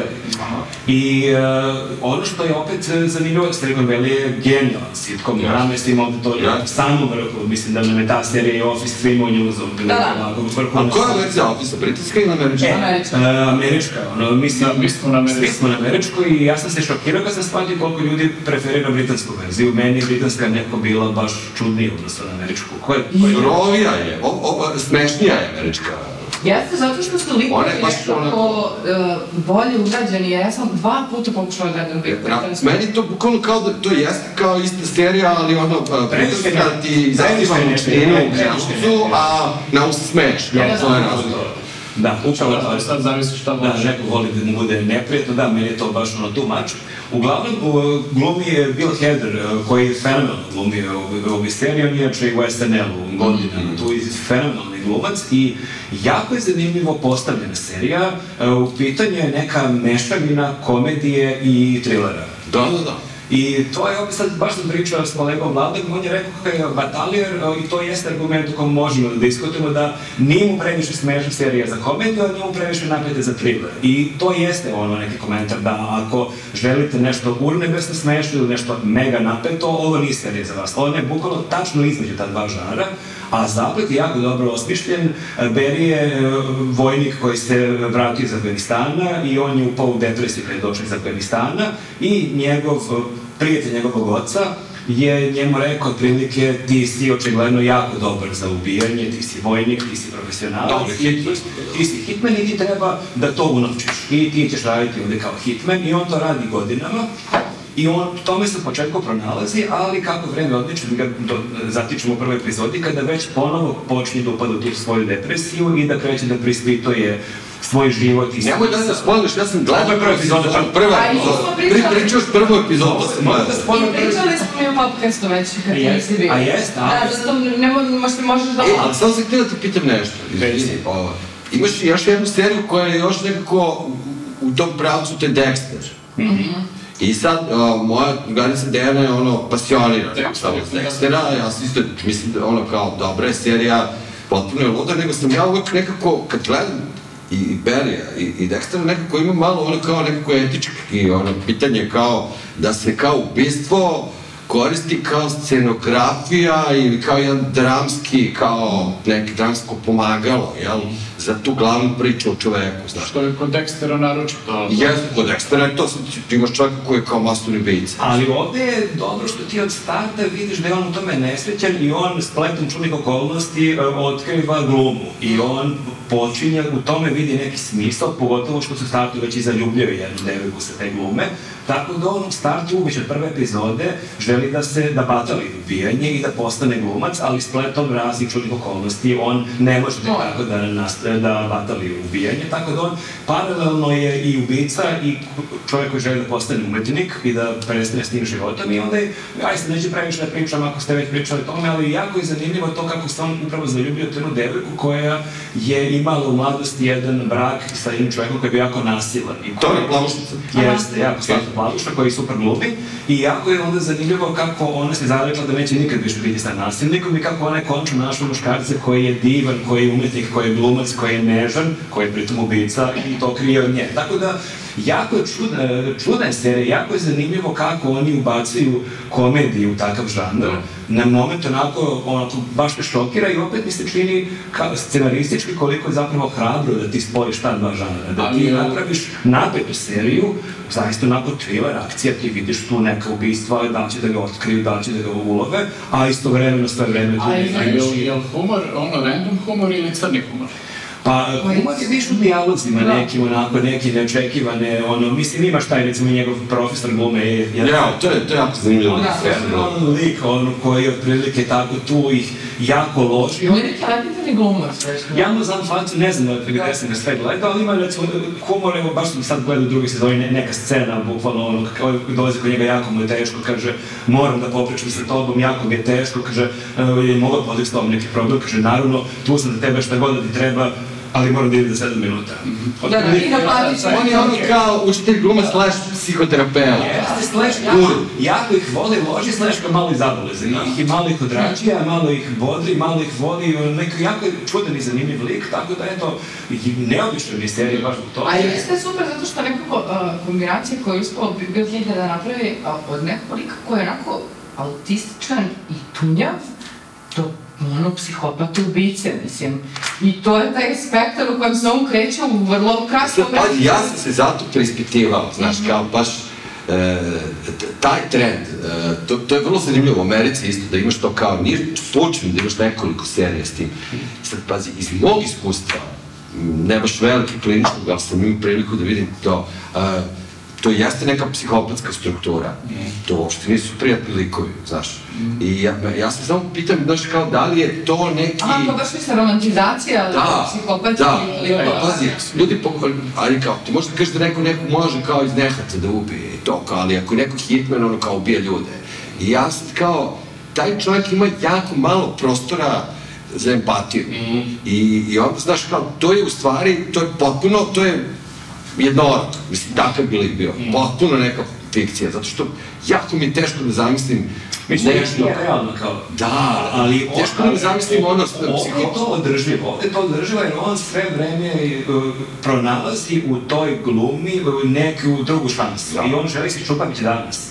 Ali on ima neke repove s kojih ne može, on ne može da ih uh, preseče tek tako i on se svim silama trudi da ne bude više taj lik, ali s razne samodbrane ucjene da bi spasao nekog, on i dalje ubija, ali zapravo dosta, dosta uh, postavlja to pitanje o tome da li čovjek ima pravo na drugu šansu, da li se čovjek Da, menja. tako je, etika. Da, ja. I on želi da To je jeste serija etička, to ti je malo kao ono antički ono, dilema, da li ti treba budeš kažnjen za tu I svoju da li te krivicu? definišu neka Bravo. dela ili si to Da. čovjek koji može da nastavi dalje i da postane drugačiji i bolji, što on zaista iskreno želi i to negde, zbog toga ti imaš neku empatiju prema njemu, ali da, onda se desi neka situacija gde njemu padne mrak na oči i što sam odbrani, što u nekom ludilu, ono popije pet Da, ljudi. pitam za, za ovaj, kako se zove, za ovaj humor, zato što kod Dextera ti je tu jasnija situacija, znači tu imaš ono gotovo isključivo kad je humor je crni humor Yes. i I malo karikirano. Jeste crni humor koji ide iz njegove glave, kad slušaš njegove misli, posto, Da. pošto on govori svoje misli dobar deo serije, kad ti slušaš njegove misli, on napravi foru o tome, ne znam, kako je zamalo pao, ne znam, prilikom ubistva zbog nekih gluposti, napravi foru od toga. I sad, mislim, on je tek ono kao straight psihopata, samo što tu imaš moment što on ubija ljude za koje misli da ne treba da žive, jer su loši. Jer Dobro, možete se setiti još pozitivaca ovog masovnih bolnih ubica, razumiješ? Da. Meni je to jedino Leon iz, uh, ono, profesionalstva, znaš, on kao ima tu empatiju prema toj devojčici, ono, znaš, kao, i to stvarno izgleda u tom filmu kao da je moguće. Ali ja sam taj film obožavao, Ja. ali sam baš ne obožavao, sam onda čitao tekstove od posljednjih ono, godina koliko je Luc Besson zapravo i sam privatno onako imao razne ono tendencije ka zaljubljivanju prema nekim baš jako maloletnim devojčicama i da će taj odnos onako jako diskutivan, da bi danas bilo nemoguće snimiti film gde vidiš takvu neku vrstu platonske ljubavi devojčice od 11-12 godina prema čoveku od 30. Pa dobro, Tarantino je napisao scenu da liži nogu što Salmi A, Hayek. dobro, imamo Ali nije devojčica. Okej, nije devojčica, ali fetiš je, ono. Dobro, Fetiš jeste, ali je e, legalan fetiš. Što bi rekla jedna gospođa starija što je Pa- čistila, svako ima svoju bakteriju, svako ima tu svoju... A dobro, mislim, Jeremy Irons je bio na tapetu zbog Lolite svoje vremena, da, da, to je... Ja bi tužila neku Čista da se veterina. opala odmah da ti Mislim, kažem. A ona nije svoje voljno, ti priča, on djeluje da je svoje voljno. Da, ja, ja čak mislim da mnogi od tih filmova danas da uzmeš, na primjer, da dođeš na ideju da snimaš uh, Lolitu po Nabokovu, imao bi problem. I to i da napišeš, Da li- Lolitu, i- sve Pitanje je da bi u ovoj atmosferi, ono, kao te cancel kulture i Da. svega, mogu uopšte Ma, ajde, Lolita je već bilo jako zanimljivo, to sam pričao s vama van e, podcasta, čini mi se, jako bi zanimljivo bilo, čitao sam tekst o klincima koji su sada srednje škole u Americi, kojima su pustili ono American Pie film, e, malo ti veravaju. To je velika, da, velika je polemika oko tog Ja sam, jer ja sam to gledao sa 19 godina kad je izašla kao neka tralalala komedijica, neke Da. fonice koje su neke smešne, neke manje smešne, a njih je to jako kad onda vređe, kao pogotovo ona scena kad ona e, nađe se već zove, kada ona treba se preskoči kod njega u kući, a on instalira kameru da bi sa drugarima gledali u golu dok se preskoči. Kao ta Jeste, scena je danas, da. kao snimati devojku golu bez njene dozvole, kao Da, to su Dobro, hvala Bogu, nešto sam skapirala, Da. Ali jebote, je- bravo. Ali je, to nije uputstvo za život, to je komedija. Ja u kontekstu komedije ne mislim, ne, ne, nije, ne kažu ti treba da snimaš devojku kad se preslači ovo. Jeste, ali ako predstavljaš to kao uh, šarmantni geg od tako, Da. onda stvaraš primer koji uh, će nekome u realnosti da bude prihvatljiv, a nisi ga snimio Da, i tako da je to nedopustivo. Ali- kad neka devojka spava, oni nešto tu neko čačka oko nje, kao to isto non-consensual ono, Da. ove radnja i to je isto skandalozno sad iz današnjeg Ne znam, nije loše da i mi malo preispitamo stvari koje smo čitali, koje smo gledali, ali opet to je ipak film i to je ipak neka glupa komedija koja se gleda s pola mozga. Ne treba ni to baš posmatrati kao neku putku za život. Pa ja to gledam stvarno kao, kao ono sign of times, ono, kao to je, To, da. to je prosto bilo, mislim, grozno je ono kad danas gledaš i kao kad, znaš, danas bih ono nekako i kad smo razgovarali dok su odrastili ove, i moja deca bilo ono kao nemoj, mislim glupo je na taj način da kao zezeš devojčice, ono, Da. u osnovnoj školi, šesti razred radiš što kritičan, kad kreće do tog hormonskog, ono.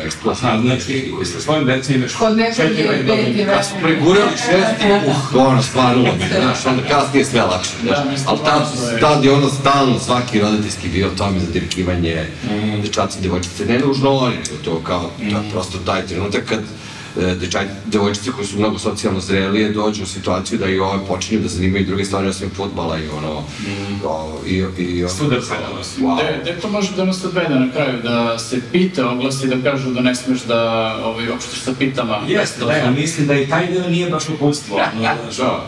Mada, Dobro, sad to svako ima svoju bakteriju. I ono moment kad si probao, nije bilo loše.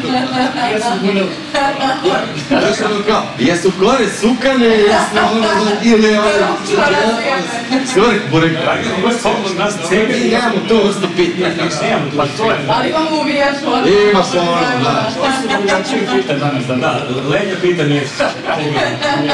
znam kada se zove onaj francuski što se u nekim kao moram da odeš. Jeste, jeste. To je, pa zavisi od podneblja. je. Ne želim da zamišljam, stvarno, ne želim, pošto sam zamišljala kako ti štrca riba u oči, sad zamišljam tebe s- sa ubijačom. To su neke, neke stare komentari iz podcasta. Jeste, da, nećemo o tom. Nikada više nećeš to rolu viršno gledati istu Kako ide pune.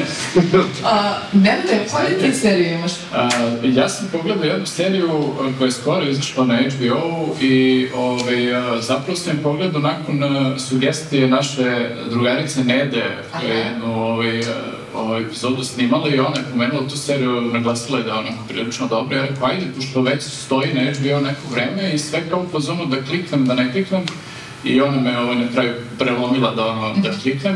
Uh, miniserija u pitanju zove se Love and Death. Uh, sedam epizoda ima i dešava se 60-ih, 70-ih godina u Americi u jednoj maloj, onako ruralnoj, uh, prilično konzervativnoj i prilično uh, religijskoj uh, zajednici. Uh, gde uh, ti vidiš da su ti ljudi kao nekako uh, sve je onako idilično, jel, uh, na prvi pogled, svi tu žive neke svoje živote, srećni brakovi, deca, škola, crkva i to je to kao onako sve, sve dele u redu.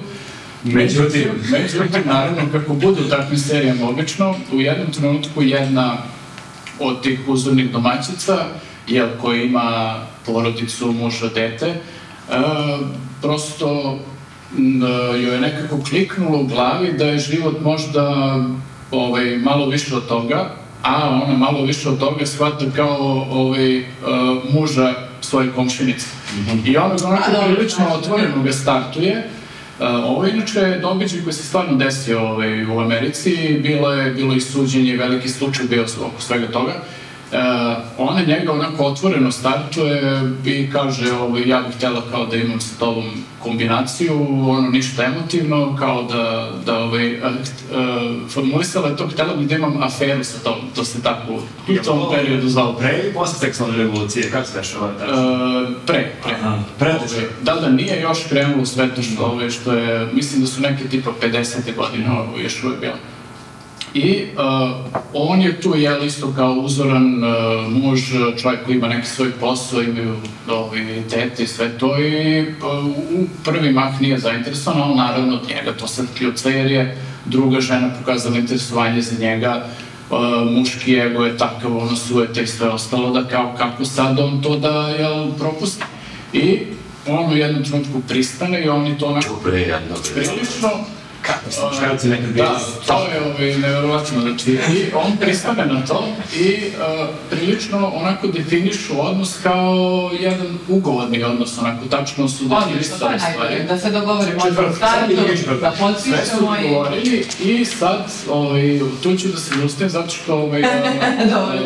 Eh, taj događaj će da dovede jel, do nekih mnogo strašnih događaja koji ste Osnovna serija u imenu ima ljubav i smrt. jel? Tako je, da. Okej. Ovaj, dolazimo i do tog drugog dela, ovaj, uh, gde nakon toga deo serije se bavi uh, tim događajem i epilogom nakon toga šta se dešavalo. Uglavnom, uh, izdešava se tu svašta nešto, ali zapravo vidiš koliko je ta jedna onako sitna odluka koja je kao neki realno hir dovela do prilično nekih ozbiljnih konsekvenci kasnije. Znači kao lepota poruka, samo nije u Crnoj Gori. No, ajde da tako kažem. I nema međede.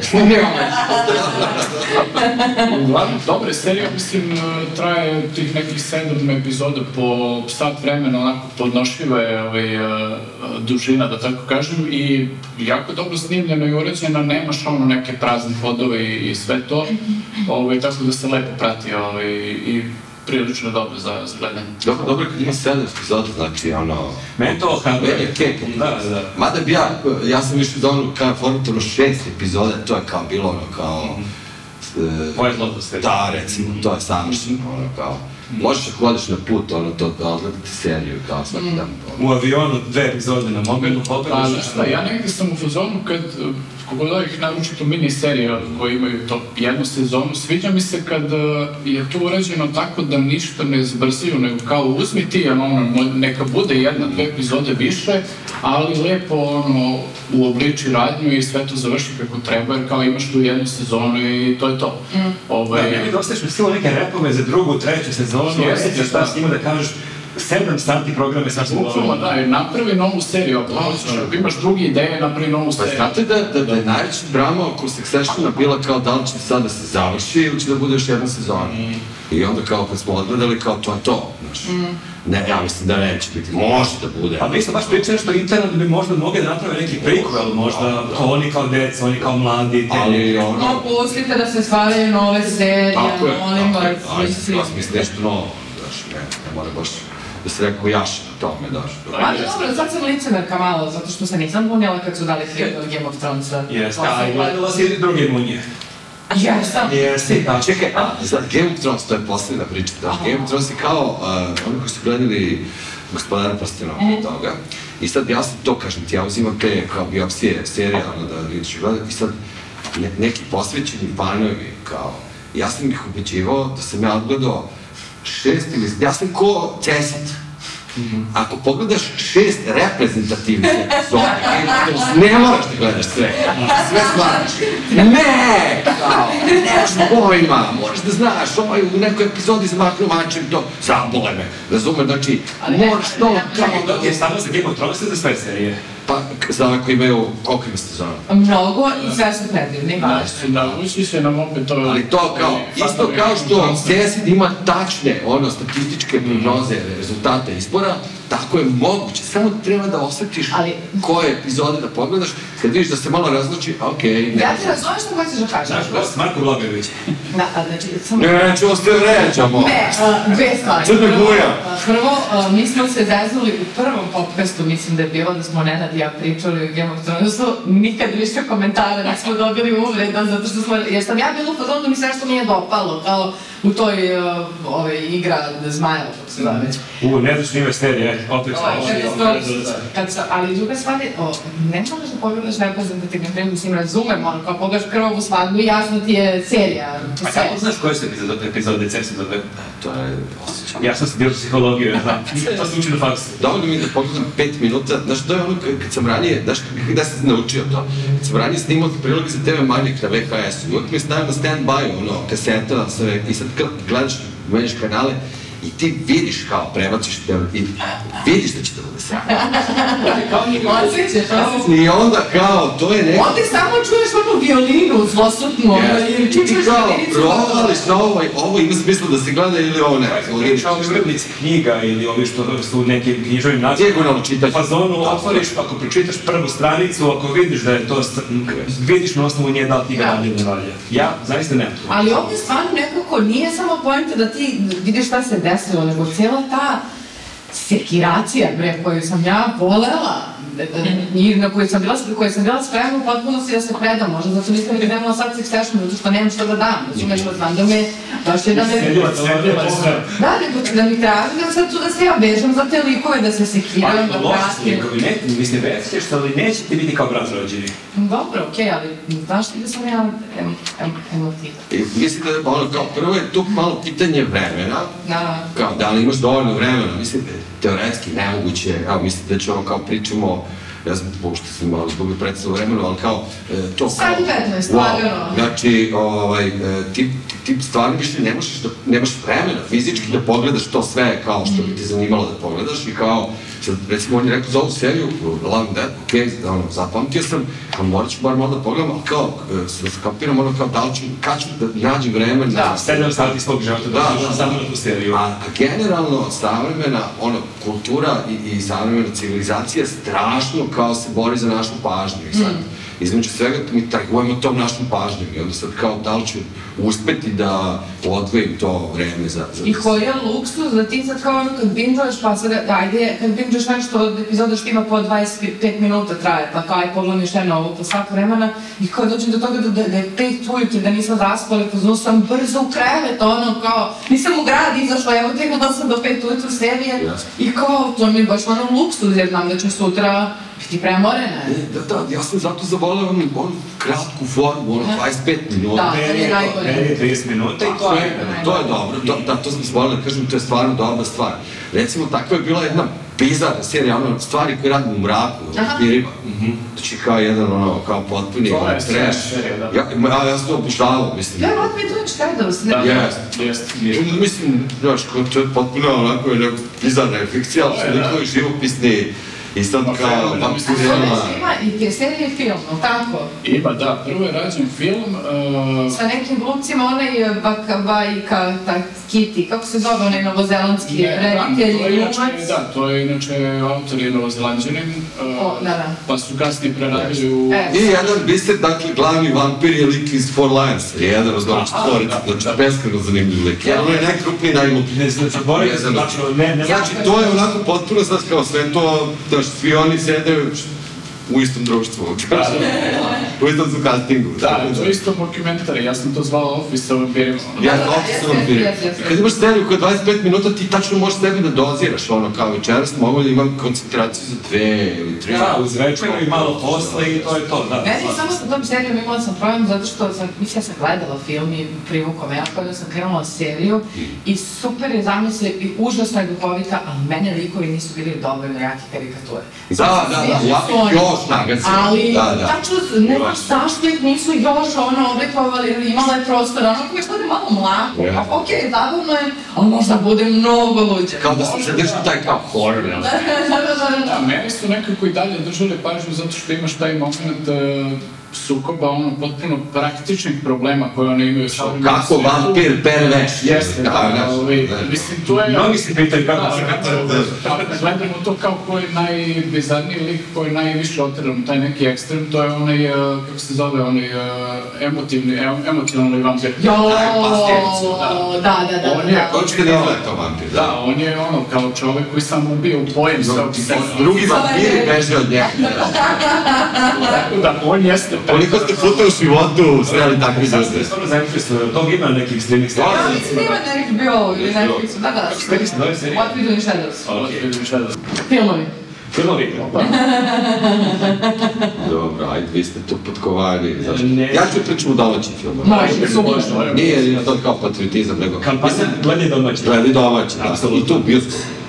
Znaš, ono, ima ono, uvek, uvek smo svi ono u fuzonu, aj čekam novu godinu pa ću gledati na TV-u, znaš, ali kad u fuzonu sam gledao su snimali film, ono, skupili Da. lovu, pa aj, kao da Da ispoštuješ. platimo kartu, ono, stvarno. I koji domaći film treba Pa gledati? ne znam, ono, ima nekoliko, uh, ovako, a sad, pazi, to, to je fora što ti sad domaći filmovi u bioskopu igraju cirka 10 dana, ono, dok ne nađeš sledeći blockbuster, ali... Može da te donese Dragan, to je moj drug, uh, na kompjuteru, tako da imam uvijek tu opciju. Ima? Da.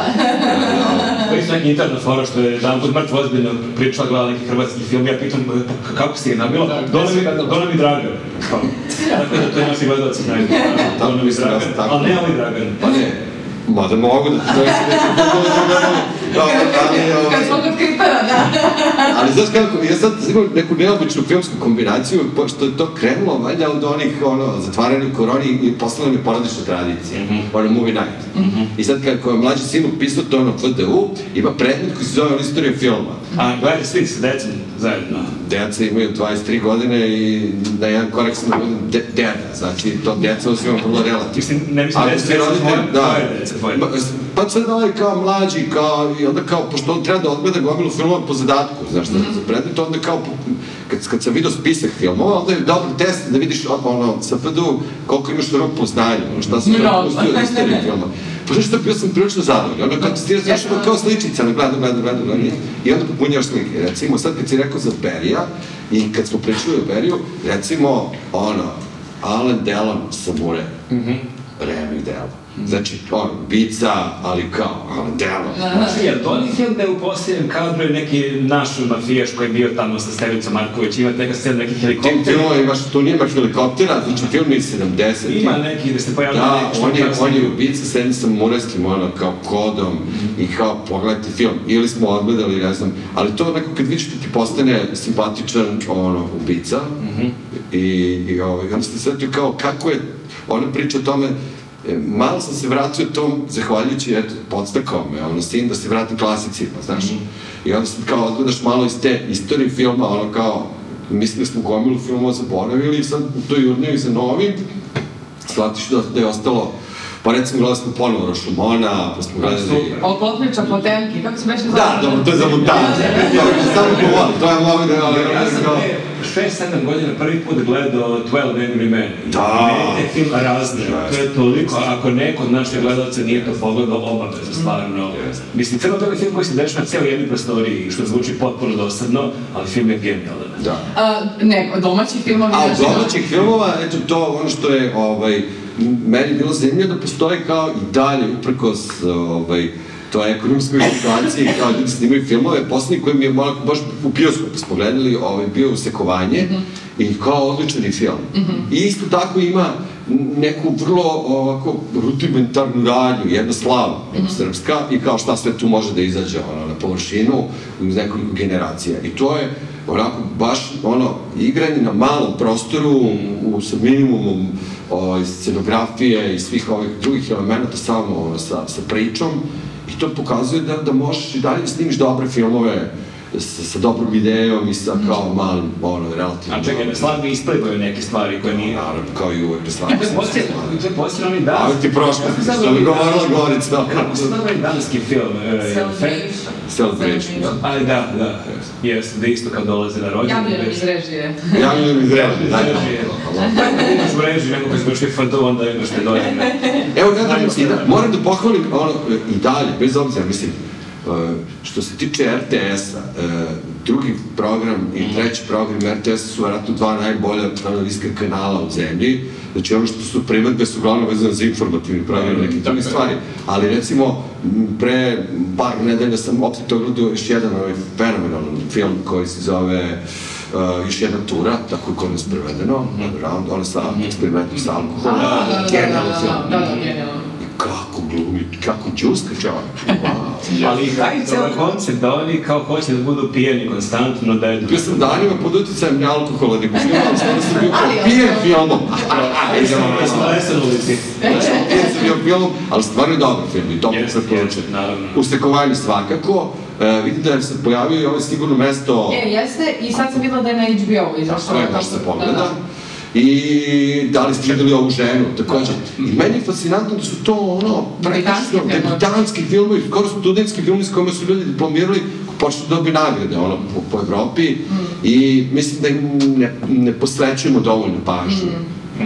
Ok, imali sam, imao sam jedan, ono, lični, privatni razlog ove, za Munje 2, Sad film, ono, okej, okay, Rašu obožavam i mislim nekako smo svi tu više išli ono, da što Srcem. da je srcem, nego, ali i, imali smo razlog više jer su kao pozvali sad uh, mog starih sina kao imaš, imaš pesmu Sid Spinkera, Aha. uh, Sudan, i onda smo svi čekali kad će u filmu da bude ono, mislim, to je takav film da to stvarno možeš da radiš, Da, da. i sve okej. Okay.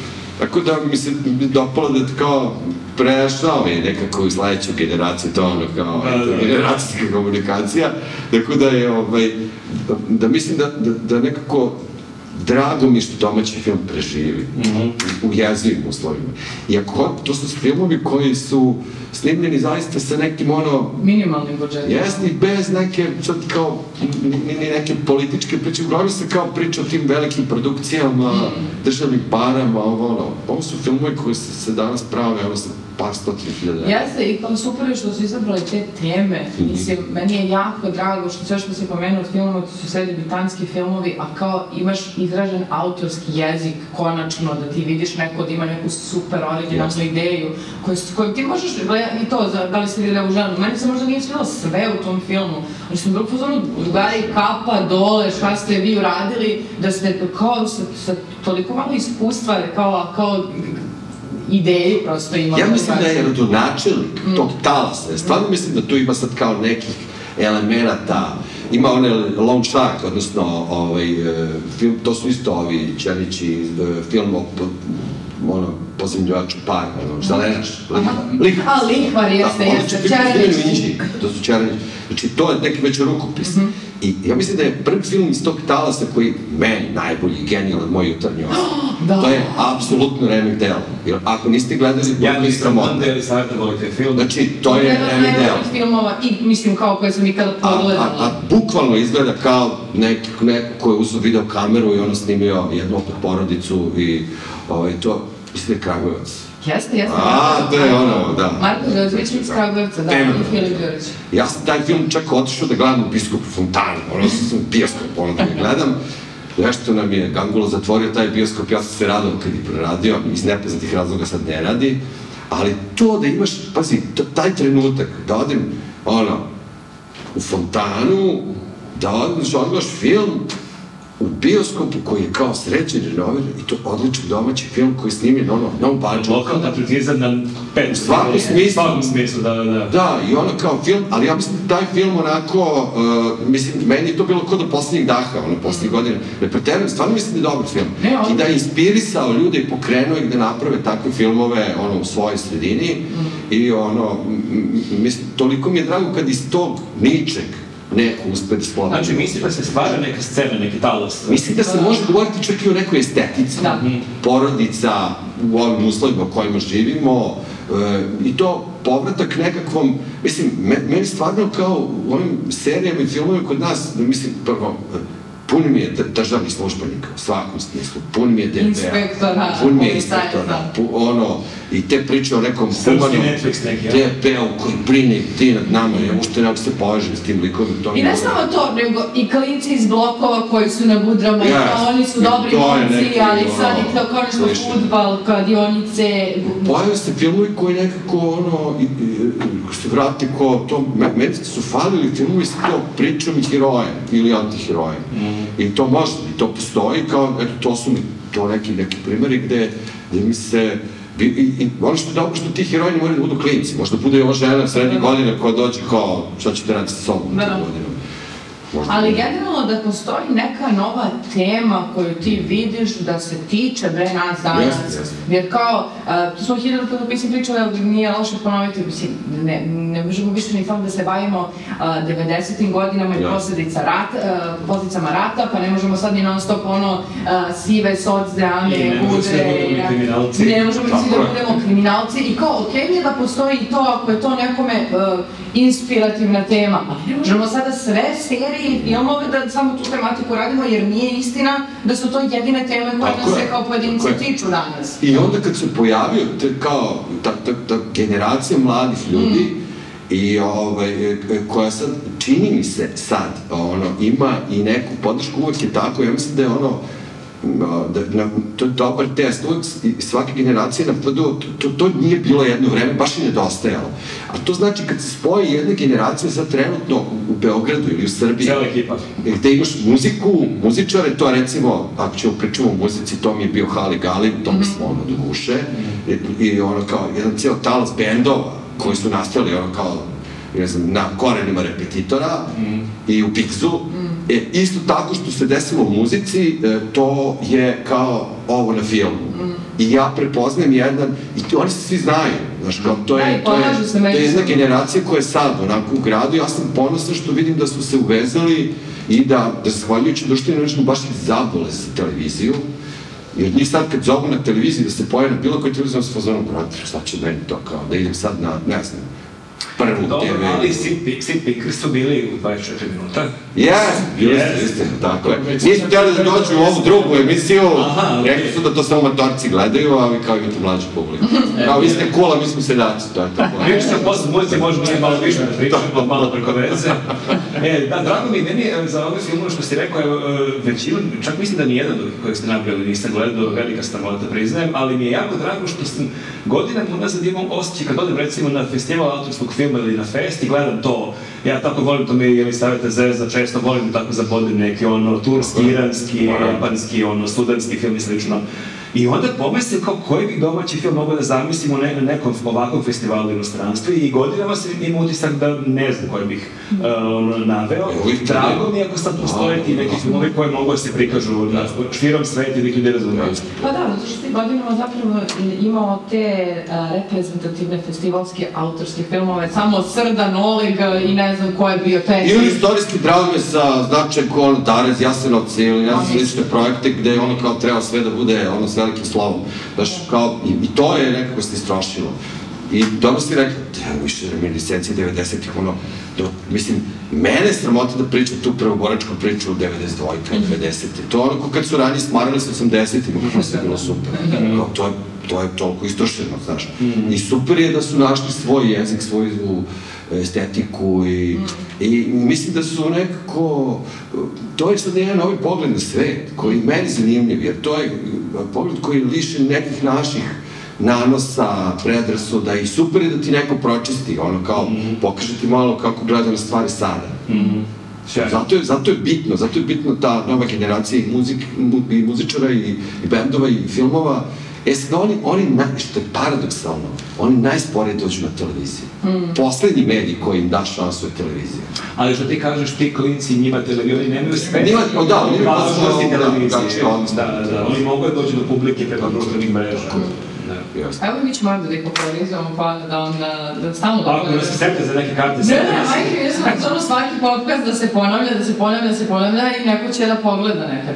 Jeste, jeste. I znači, od tih bendova, ono, kao što, kao što, što smo pričali sad, recimo, meni je to bilo zanimljivo zato što se pojavila i sad neka nova poetika, isto kao i sa bendovima, i sad, ne znam, sad je isto tako, to nam je kao drugi pored, imamo tri, tri benda će da nam sviraju na Beer Festu sad iz kuće, ja, znači morat ću da nosim instrumente. Sam prema ko Staša Popović, držiš Ja, ja, totalno sam grand, ono, Ti si faza. roadie, ono. Evo, ja, sam- ja sam apsolutni roadie, prestali su da me zovu da ih menjam bubnjare, ranije to bilo ono kao kad, eh, kad je ono kao, njemi bubnjare, pa kao da odradimo probu, ja kao, okej, Ajde, ako baš I izgleda- onda ovaj, ovaj starić da svira sa prototipom i, i Sid Spinkerom, a prototip je sad objaviti svoj album koji je fenomenal prvi Da, da. album, poeta. Čekaj, Stari si ti u dva benda. Dva benda, znam da ih gitare i bubanj, jednom i drugom, a ovaj mlađi sad kao, njih su kao, meni je dobro što su oni u tom Kali Gali konceptu, svake godine ono kao usvoje po neki mladi band koji s- i kao uđe među ove kao starije, pa da imaju ono kao mlađe braća, ovde je sad i bukvalno mlađe braća i sad će da dođe i band koji se zove Ubili su Butlera, koji je ono pajtirica, ljuta, post, hardcore, znači oni cepaju, ono, njih stave da sviraju prvi, ali se oni istutnje, I sad kao meni je super što, što je ti sad možete u KC gradu, ne znam, čak i u drugstoru pogledaš te bendove, s tim što ja ne mogu baš, ja imam veto, baš na neke nastupe u manjim prostorima. Možeš već da skačeš sad ide u publiku. Da, kao da, da brukam djecu tamo. E, ali mi smo bili, prethodni Kali Gali, mi smo bili baš do prototipa, uh, jer smo, kad smo bili u Barci, Dragan, naš ortak, nam je puštao meni i taj stalno da pesma prototip, mi smo bili u fazonu, brate, ovo to ja zvuči, moramo da idemo da gledamo. I odem ja... Poezija, tučkovne, Da, i kolorit. u drugstore i pogledam sve, su se izređali, izdržala sam tipa do tri nešto i bila sam u zonu, ja ne mogu više, moram da idem kući, nisam dočekala, ne znam, bizer ili tako nešto, Da, da. kao, nema veze, nisam slušala. Ne, nego sam ponosan što, što sam kao nekako mogu to da gledam sa strane tu decu, kao, znaš, ono, ja sam na njoj znam nekog kilo mesa, ali stvarno, ono, super je da su nekako uspeli da pronađu... A kakav se gledam, jel si ti njima cool su tog pratiš što dođeš ili te blam, uopšte ne mogu zamisliti kakav je osjećaj, kad si ti kao nabinja, ćale ti je kao neko iz te branše i kao vole ga ljudi, ali tebi on ipak ćale. Ali prosto ne smem da idem, šta sad da brukam tamo, znači da došao u čalen koncept. Kad već prosto zvuči se pozadi s pivom, ono ne. Da, da, budi tu, ali nemoj to, da... ali znaš kako, stalo mi pitaju, znaš kao, pustimo muziku, zato što je to jedna, ono, prosto ja njih film, to je ono kao, investirao sam u, ovaj, u to kao, puštao sam im muziku i sad oni mene, ono, sad, sad oni meni donese ono što je novo i zanimljivo i to je ta razmera i onda kad dođu iz studija pa mi puste snimke kao zanima.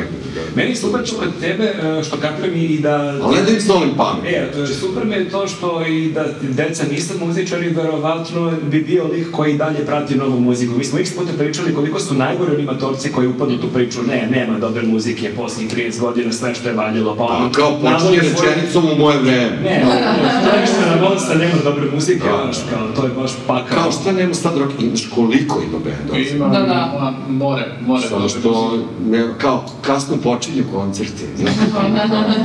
Kad ti kasno počinju koncerti... Možda nisi cijela grupa. Da, da, da. Ej, ej, ej, ej, ej. Sad Ne. ideš godinu, dve dana, ti si ga bio. Da, da, da, neki Sad sastav. se u Srbiji, da, stvara se nova, nova srpska scena. Najnovije sam Da, da, da. Tako da, dobro, dobro. Da Tako da to, to je uvezano, znaš, uvezano je zato što recimo, znaš, ti u tim filmovima, to je nekako soundtrack u stvari ta muzika, znaš, i to, i to mi se dopalo da postoji kao neki talas, ono, koji je, koji sad, to, to su mladi, kreativni ljudi, i, i onako, mislim, e, iskreno, evo, mislim, pošto razgovaramo, ja sam toliko puta s njima razgovarao, kao rekao, jel, je, pa mi smo ono u Srbiji, koji svi da palite odavde. I sad, a, ono što je meni bilo hrabrenje, jeste da su, da su oni kao i, kao i u svakom, pazi, kad malo bolje razmisliš, verovatno ni 81. godine Jugoslavija nije baš bila neko najsrećnije mesto na svetu. Mi smo imali mali dašak slobode u odnosu na, mislim, ja to vreme pamtim, nije to sad nikakav ideal. Mislim, mislim, slušam Stenjević kad priču kad Beograd bio jako siv, 80. Siv, odvratan, To se da. romantizovalo 90. Ali su ljudi, kao kažem, u to, napravili taj svoj svet. I mi sad kao slušamo, kao wow, nastao novi talas, ili 90. gomila bendova, u naj, vrlo mračnom vremenu, realno. Tako je. I ti sad kažeš, on, oni su kao, oni su naučili ljudi da, ono, e, da, da, da se izbore za, to, za taj svoj mentalni prostor. I, I njima je možda još teže. Ja sam svaki put kad prolazim pored SKC, u zonu sam, i čekaj, ovi ljudi nikad nisu bili na koncertu SKC. Ja sam baš e, pre prošlog podcasta je bila E. Gordana Futurišević, pa smo pričali, ona nije nikad nastupala u SKC, u Da, SKC ne postoji. oni idu u fucking drugstore, klanicu, ono, Da, da. kod Pančevačkog mosta. To sam Znaš, tek skoro saznao da bila klanica. Oni Da, su bili da, mesec, da, da, da. znaš, ono, tamo, tamo su stajali čakavci, kad smo prvi put išli, ono, stajali, ono, znaš, gde, gde one polutke visu. Kuke. Da. I ti sad kao tu sad, ono, tu smo našli neki prostor i tu oni sviraju, ili kako izgleda Biggs, koji je isto užasno doprinio o tome da, da se stvara Da. scena. I onda ti kad vidiš da, da, da on, ja kad prođem, kao raz, razmišljam, mora da postoji neka agenda, otići da neki, neki hotel s basenom, ono, Kladionica. ili kladionica, ne, neki užas će da neki... Kazino. Da. 100%, da. Zamisli, molim te, išla divna sala u kojoj sam gledao ono najnevjerovatnije bendove, znaš, 90. godina, ono, posle tri probe si mogu da napraviš koncert, ono. I sad ti shvatiš da ti to nema više. Dobro, KST, ajmo. Ja sam tamo bila civilom 2006. 7. i tad još uvijek bilo koncerta su bili neki baš ono heavy metal, neka Therion, ne znam, na, Napalm Death, takvi su neki koncerti Da. bili i možda još godinu, dve, tri, bilo je u bašti sa KC tu i Ja, pa posljednji koncert te petitere Ja sam registrao baš da, Pa, da, da, da, da. bašti, ali unutra oni velikoj sali nisam bio.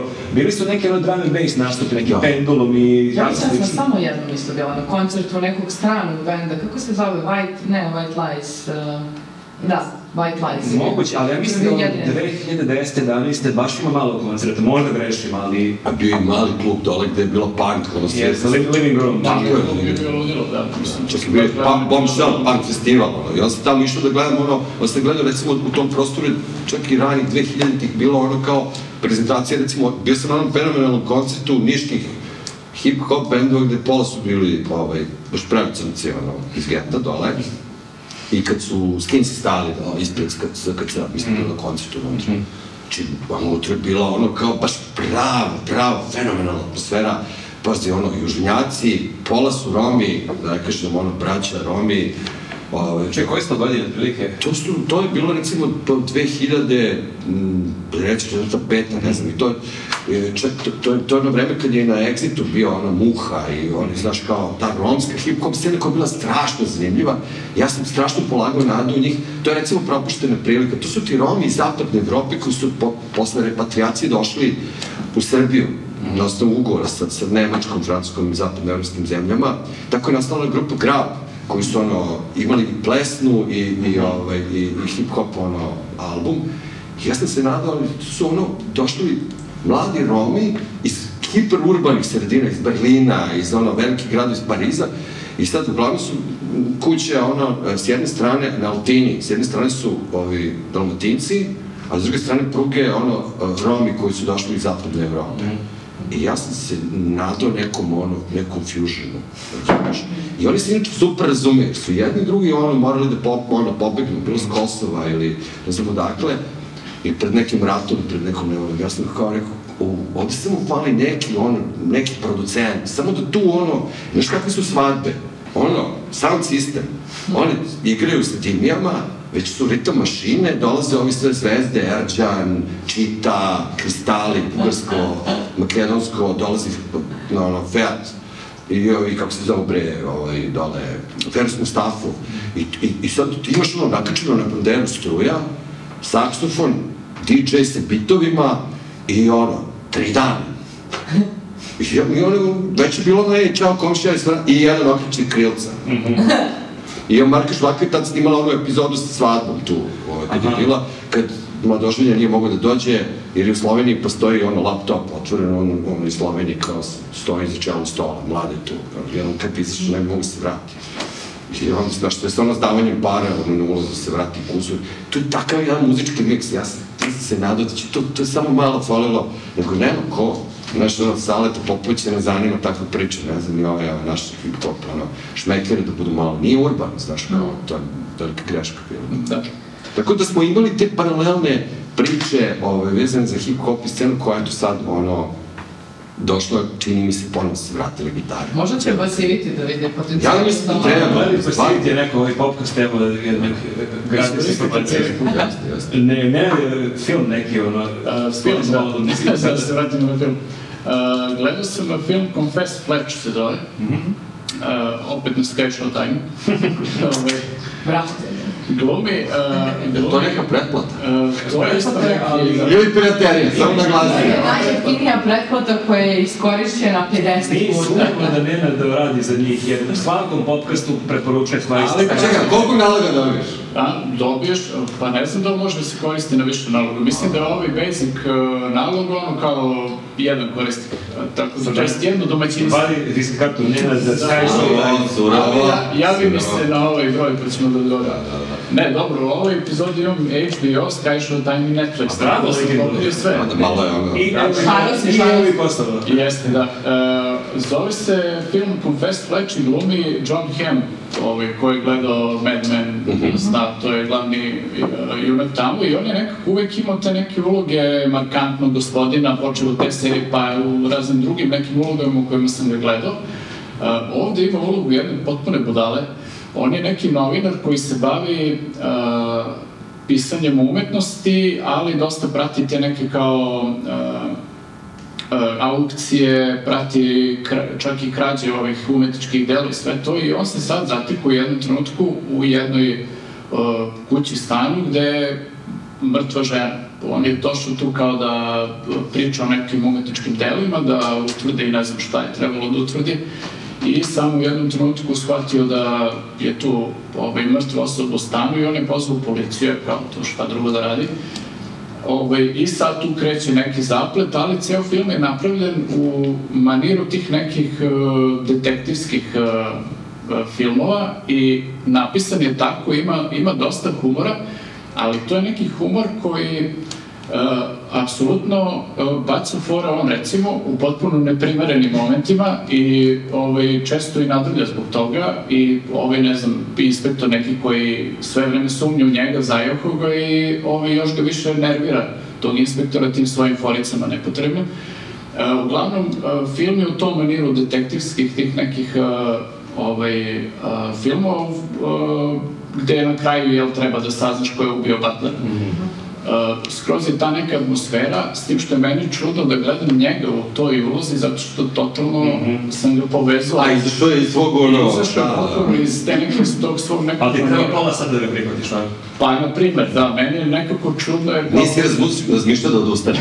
nisam, nisam, znači ja u njega jako gotivim i uh, bilo mi je zanimljivo da ga vidim u tom nekom potpuno novom ono, ovaj, uh, pristupu i konceptu i svemu, tako da uh, kad sam uzeo da, da pogledam ovaj film, prvo sam pogledao ocenu na IMDb-u i bila je neko, nešto onako prosječna, sa druge strane na Rotten Tomatoes je bila uh, tipa 90 i nešto posto, I ja sam kao u fazonu, ok, ovo mi je sad čudno, moram da pogledam film da vidim ko je ovaj tu pravu. I ko je u pravu? Dobar je film, mislim, zabavan je, ne, nemaš šta da očekuješ... Preporučuješ. Neko, da, Da. ne možeš da očekuješ neko ludilo, ali ako hoćeš da provedeš kao, ne znam, sat i po vremena zabavno i onako opuštajuće i uz taj neki onako, ovaj, lagan humor, a pritom imaš i radnju koja te drži sve vreme, ovaj, to je to kao, možeš da pogledaš taj film, eto, to je ukratko preporuka. Čekaj, samo još jednom ime filma da ne zaboravim. Uh, Confess Fletcher.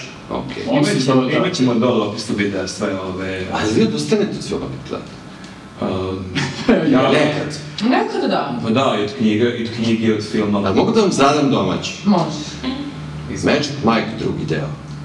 Na, e, na, mislim da je na HBO sad bila premijera. Aha. Drugi deo, čekaj, nisi gledao nikad. On je strip. Prvi deo uopšte nije loš. Okej. To je ovaj, kako se zove, Lepušan. Vidiš kako što ne Dayton Stanton, kako se zove, ovaj. Da, da, da, okej. Matthew McConaughey. Kako? Jel Matthew McConaughey? Ne, ne, ne, ne, ne, ovaj... Da, je Matthew E, McConaughey. Magic Mike je ono grupa stripera koja je u prvom delu kao krstene Amerikom koji se vraćaju posle okupljaju se ponovo. Jedna vrlo zanimljiva, čak i ona psihološka ona, Dobro. priča i priča o, tim, ono, o tom zanatu. I to je ovaj, o, ovaj čuveni glumac koji kao super igra, kako se zove? S, e, nije. Channing. Channing, Channing Tatum. tako je. Lep dečko, lepo građen, lepo žuska. Ne, kao niko video klubu kad mu dođeš, evo ti E, E sad, pa, Imaš nekog nešto prvi, prvi deo, apsolutna preporuka. To niste ne bi očekivao od ovoga što se znači, ali kao film koji ima actually radnju, i kao super je. I ta priča o seksualnosti, to stvarno dobar film. I sad kao najavio drugi deo i kao bila premijera na HBO, neko, neko znači. Kao, ajde gledam, Selma Hayek. Da. Znači, To sam vidio, da. Jesi vidio? Vidio sam samo da... Kako im gore. Da. Znači, uh, je li savjeta? Znači, kokice i... Čekaj, zvučala je, tvoj, e, tvoja mimika je zvučala da je film baš nemoguće se pogleda do kraja. E, film traje sat i po. Ja, ja sam infozon, ja još uvek sebi govorim da ću da dogledam. Na kom si Ali imao to- Moram, e, znači- čuko vremena sam izdao. Okej, znači Da, da padneš u nekom momentu, da ti kažem, ono, uh, pršti sve od te kao erotike, ja sam upozorio, okej, ono, to se okej, okej. loš, ja biste da gledam, ono, kao, ovo je macan, ono, stvarno igra, čo, muškarac koji igra, to je stvarno, ono, Nikad me nije to privlačilo. Pa Dobro, ali da vidiš, on, on ima, ali on je tu onako, uh, dovede ga, ono, opaste reditelj, on da on za, u jednom pozorištu elitnom, da on napravi Sad, sad si je kupio. Možda, odgledaš, imam osjećaj da će ti se dopasti, sam da ti preporučim, slobodno odustani ako se smori, Ne, ne, hoću tamo da pogledam i da prokomentarišem za sledeće. ali pokrete neke koje ćeš vidjeti stvarno, znači, znaš, i... Žariće i paliće. Žari, pali, Moderni Travolta. jači. Dobre. Ovo je ozbiljno. Ovo sam I više. domaći zadatak. Ne, Da bi ples modern. Mm, da, da, prljavi ples meets La La Land meets ne znam ja više šta, ono Možda kao... malo sa, sa manje romantike, tako mi Da, da, da, ima kao, da, sve, ali ta neka seksualna tenzija To, to, to, postoji da. iz cijel film, da. I ti čekaš šta treba, hajde se desiti. Ja ću da se desi. To čekaš u stvari sve vreme, da. Mm. Tako da, ovaj, a pritom E, ono kao... dobro, ajde, to ćemo Selma. Hayek se malo preoperisala, to je istina. Stvarno. Mislim, znaš kako, e, preoperisala se na foru, lepa je, ali ne više ne liči na sebe. Aha. Nije ono Dragana Mirković, ono, Da, da. fazon, nego, nego je kao, samo, samo iz ima drugo lice. Ja mislim da ona više, ona je morala da promeni fotografiju, ono, kao, baš ne liči na Selmu Hayek iz, recimo, ono, Sa Slobodom. Dog. Da, da, da. E, ali, ali, mislim, slatka je, lepa je, ali drugačija. Da, da, da. Neka nova stava. Da, okej. A, dobro, Dobro. re- re- I on tu sad, ona tu imaju jedan E, Ali situacija, kao da je ovo pult u video klubu, je tačno im sad se vraćam u svoje detinjstvo, kad tako Ako želiš. pitam na koliko video Ja sam u Žarcu, ima isto na najveću. E, poznaš ono da... E, E, ali stvarno, lepo stojiš sa strane, kao, nikom, evropski film. Znaš što vas?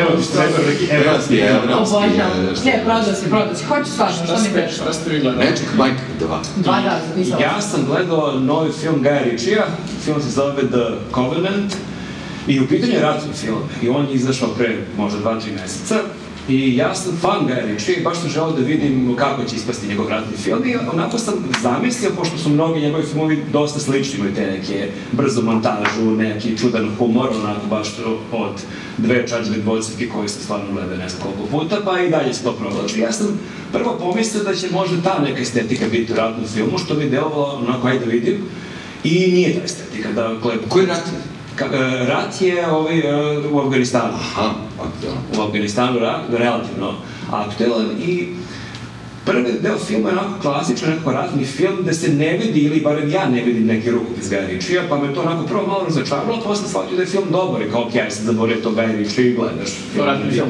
Radi filma i u filmu glumi ovaj uh, Jack Gyllenhaal, ma, koga znaju ljudi iz Brokeback Mountain i mnogih drugih filmova. I šverca mu je okej.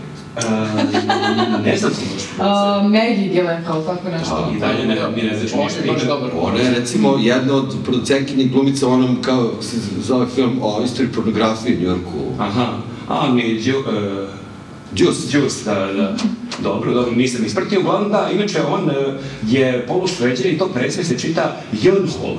To sam, gledao sam nedavno kako je gost kod Konana, tako da mnogi to ne znaju. To su oni kalvinisti i ovi protestanti što su zbrisali iz Evrope u E, ne znam kad su došli, uglavnom polušveđanin je i baš smo skoro komentarisali koliko je on nekako ljudima često ispod radara, a zapravo, osim što je super glumac, u jako dobrim filmovima glumi. Znači, hronike, tako? Imaš Mislim, Zodiac je već- Meni Zodiac, tako je. Meni je Jarhead, recimo, ovaj film Sema Mendesa super i to je takođe vojnik, pa mi je zato bilo zanimljivo da ga ponovo vidim u ulozi vojnika, ali da, nekako kao da ima, je dobar glumac, kao da ima dobar njuh i da prepozna dobar scenario i reditelja da nekako u jako je malo filmova glumi da kažeš ja, film je baš loše ispao, onako, kao da je on garancija da je film dobar.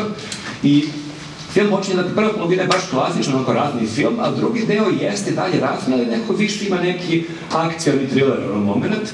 I zanimljiva priča govori e, dosta o, se obraća pažnja na ljude u Afganistanu koji su o, bili e, lokalno stanovništvo, koji su radili za američko i britansko vojstvo, koji su bili primarno njihovi prevodioci, ali su zapravo bili i vodiči i tumači koji, dakle, nije, nije njihova uloga bila samo da prevode, već i da malkice ukažu neke stvari koje im deluju sumnjivo. I e, zapravo je film negde i dobra kritika koliko je Amerika kad se povukla i time se završava film tih podatkom nakon 2021. kad se Amerika povukla, koliko su oni zaboravili zapravo te su oni koji su visili sa aviona. Jeste da je njih preko 300 ubijeno njih i njihovih porodica, a više od hiljadu njih ili nekoliko hiljada i dalje u bekstvu, jer talibani su prvo hteli njima da se osvete. I o, o, govori baš o tom dobrom odnosu, dakle i taj e, jedan od tih vodiča je, je pristupio e, američkoj vojsci jer su talibani ubili njegovog sina. I onda on tu njih vodi tu neku jedinicu koja upada u zasedu i e, spašavaju se njih dvojica, dakle Jack Gyllenhaal ili Gyllenhaal i on.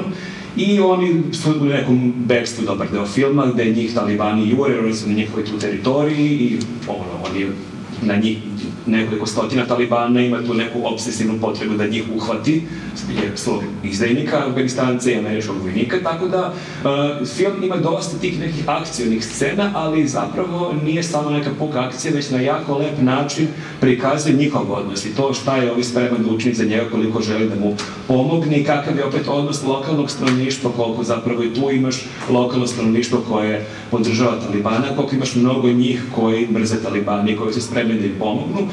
Tako da je e, zanimljiv film, e, dobra je priča, sad ne mogu reći da ne znam kakvo vreme gdelo, ali ko voli e, ratne filmove, ko voli neku... Ali preispituje to kao, ono, kao posle Vjetnama, ono, je to neki kao, misliš da, više ne preispituje, kritički, ono, više preispituje, ja da ne otkrivam previše, ali više preispituje o, odnos njegov lični prema čovjeku koji ga je spasao i to kako je on zaboravljen i kako negde nije to toliko direktno rečeno, ali zapravo to jeste poruka koliko je zbog raznih birokratskih ono zavrzlama, koliko je teško izvući čoveka, Afganistance, njegovu porodicu, on ima u tom trenutku i trudnu ženu, koliko zbog, nekih, zbog neke birokratije, prosto Ameriku nije bilo briga. znaš da postoje recimo dva ruska filma sa istom tematikom i kad razmišljaš da je Afganistan sa tom ono krajem sveta, Mhm. scenografija za, za filmove i ruske i američke, jer to je i u Rusiji velika tema, ono, a, ono, veterani i Afgani su ono strašni A traume. oni su da opasni. To je prvi posttraumatski sindrom, ono, posle drugog svetskog rata.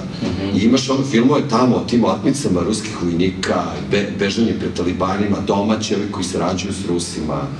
I kao sad imaš i američki film kada je Jeste, jeste. Znači, I- nevjerovatno. I jako je dobro zapravo to koliko je, je on, zbog te neke birokratije, koliko je državu, koga Ameriku bilo briga za te ljude, koliko oni nisu bili spremni da, to je kao u načelu hoće i da pomogu, ali mora se čeka, ono, nema svoj formular, čeka da ovi to odveri, da pečatira otprilike maltene na tom nivou, a čovjeka iz dana, svakog dana mogu da ubiju njega i njegovu porodicu. Tako da, dobar je film zaista, ko očekuje klasičnog Gaja Ritchija, nije toliko, ali u svakom slučaju on moje pretporuka.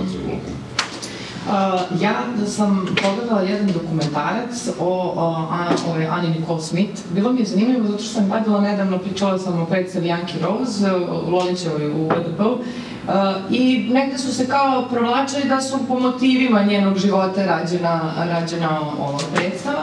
I kao, ništa je nešto tako posebno o toj ženi nisam znala, sem da sam tako pokupila možda neke predrasude. I vidim da je izašlo e, na Netflixu i kao aj pogledam. I onako povrćam zanimljiva priča zato što ti do samog kraja, pa čak i na kraju zapravo ne znaš ko je zapravo ta žena bila. Jer ona je, o, jeste došla iz, ono, pričala da je došla iz neke užasno male sredine, u stvari ona nije bila odatle, nego je bila iz Houstona. Uh, pričala je da je imala traume, da je majka tukla, da su je neki silovali i tako dalje. Ispostavio se da ona preuzela taj narativ od svoje najbolje prijateljice s kojom je radila kao striperka u, u nekom klubu.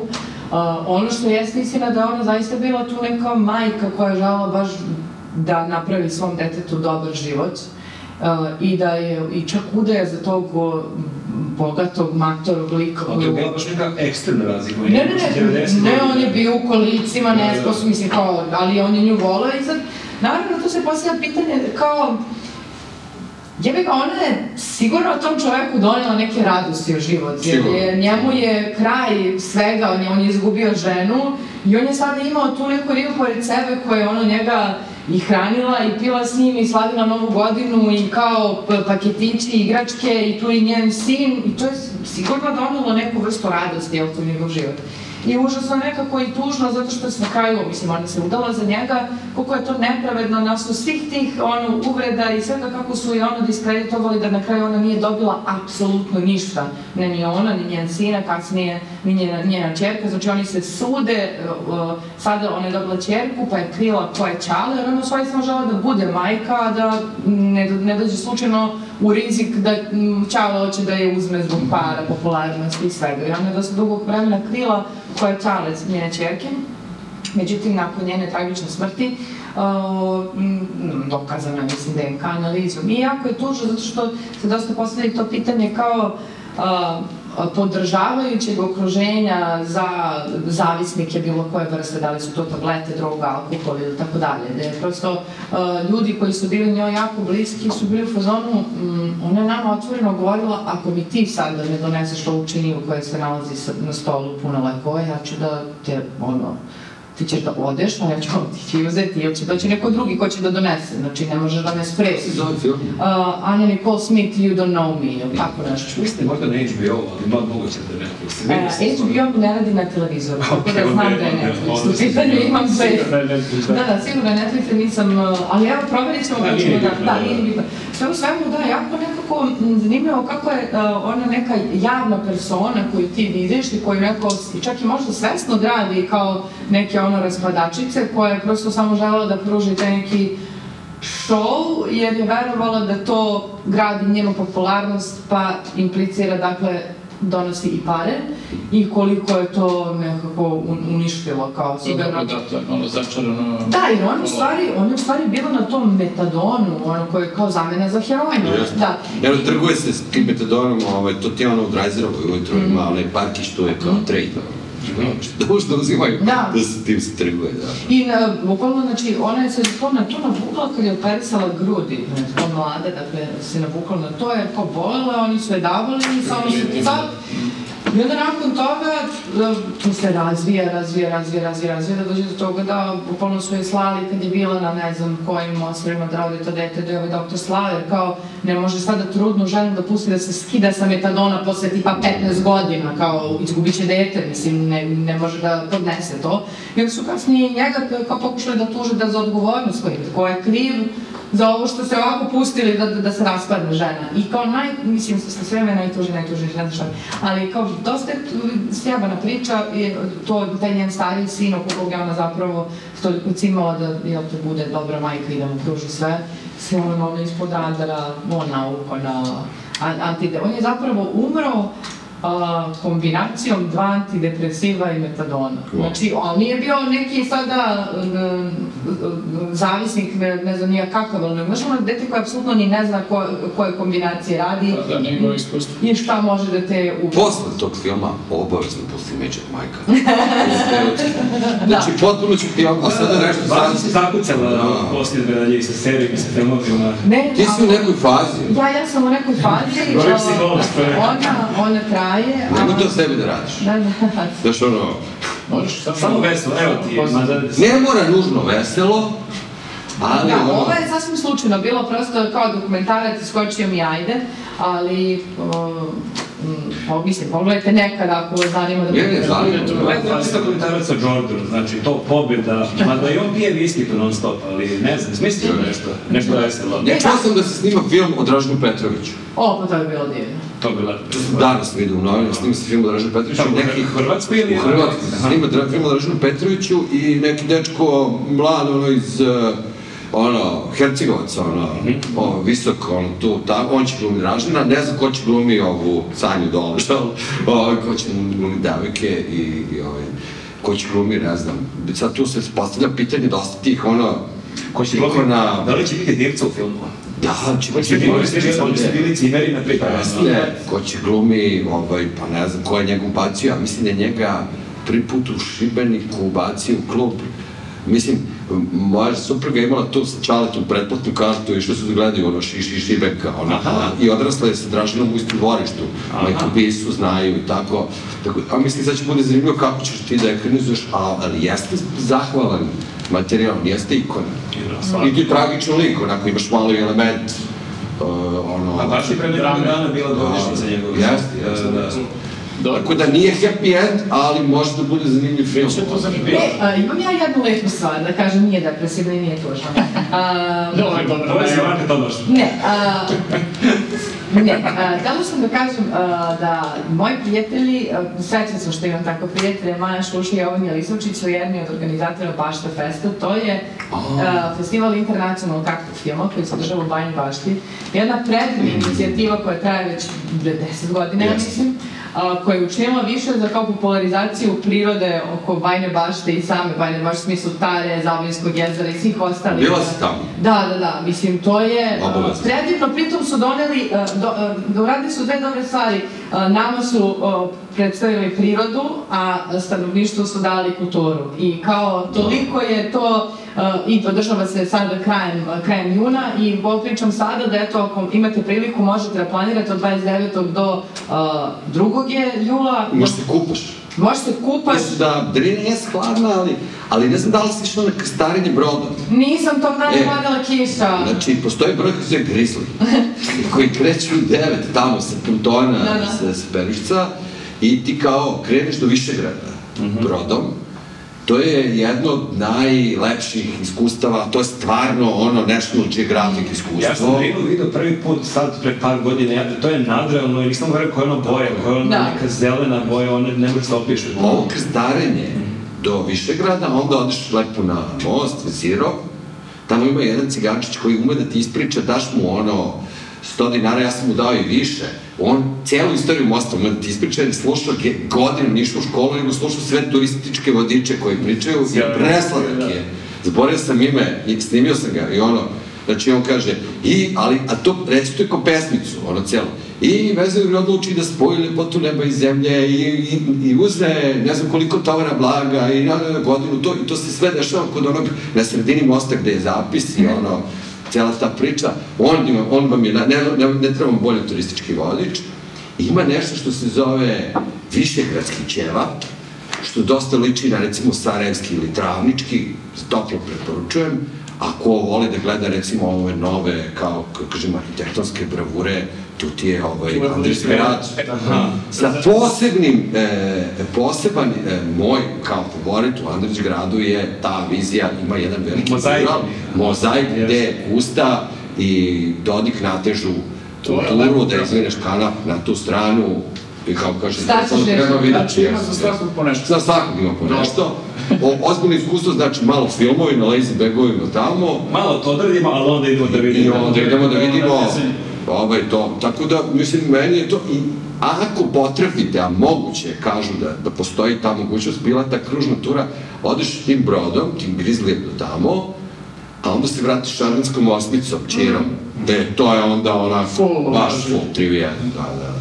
I kao toplo preporučujem, super je da se setila, odličan je festival. Jeste odličan je i pošto znam koliko je teško nas u smislu koliko malo para i sredstava i na bukvalno entuzijazmu tih ljudi e, počiva i dan danas i kao toliko su se cimali i napravili divnu stvar i kao koja će da traje.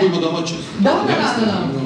Tako da, treba, baš, sam, ali- baš sam ponosna na njih i kao, eto, da imate vremena da možda isplanirate, nije skupa sme, skup smeštaj tamo, spakujte se s ljudima, bla, bla, kar, ima... Priroda je stvarno divna, Da. tamo da, ono, bio sam pred tad, pred dve, tri godine, ono, ne znam šta je lepše, stvarno, Mm. tu je blizu gitara, Priroda je bila široke ruke kada je stvarala. čovjek ste RTS planete. Ja, da, Ja, da smo na knjige sad, da. Ajmo. Ili ne, muzika, šta smo? Knjiga. Knjiga. Ajde. Ma muziku smo pričali o domaćem bendu i samo domaćem. Ili si pričao, možda hoće neko drugi da Ja kažeš sam Ivan Ne, na Ivan Nenadu je to, on je, to je Da. njegova pasija. Nenade, čuj, čuj, daj onda preporuku, imaš ne, pravo da. na jednu od te dve stvari, ali imaš više pravo na muziku. Šta, ne razumijem se, o čemu sad pričam? Imaš više muzike, a manje knjiga, ajde. Hoćemo muzici, šta? Ajde. Ajde. Ajde, ajde, okej. Uh, hoću da, ka, da pomenem prvo opet, uh, ovaj, pričamo o domaćim stvarima na kratko, da pomenem jedan domaći band koji sam smarao i po redakciji ovde ljude prethodnih dana. Nije dobar, ja moram da potvrdim. Kako se zove? Zovu se klinci Neme.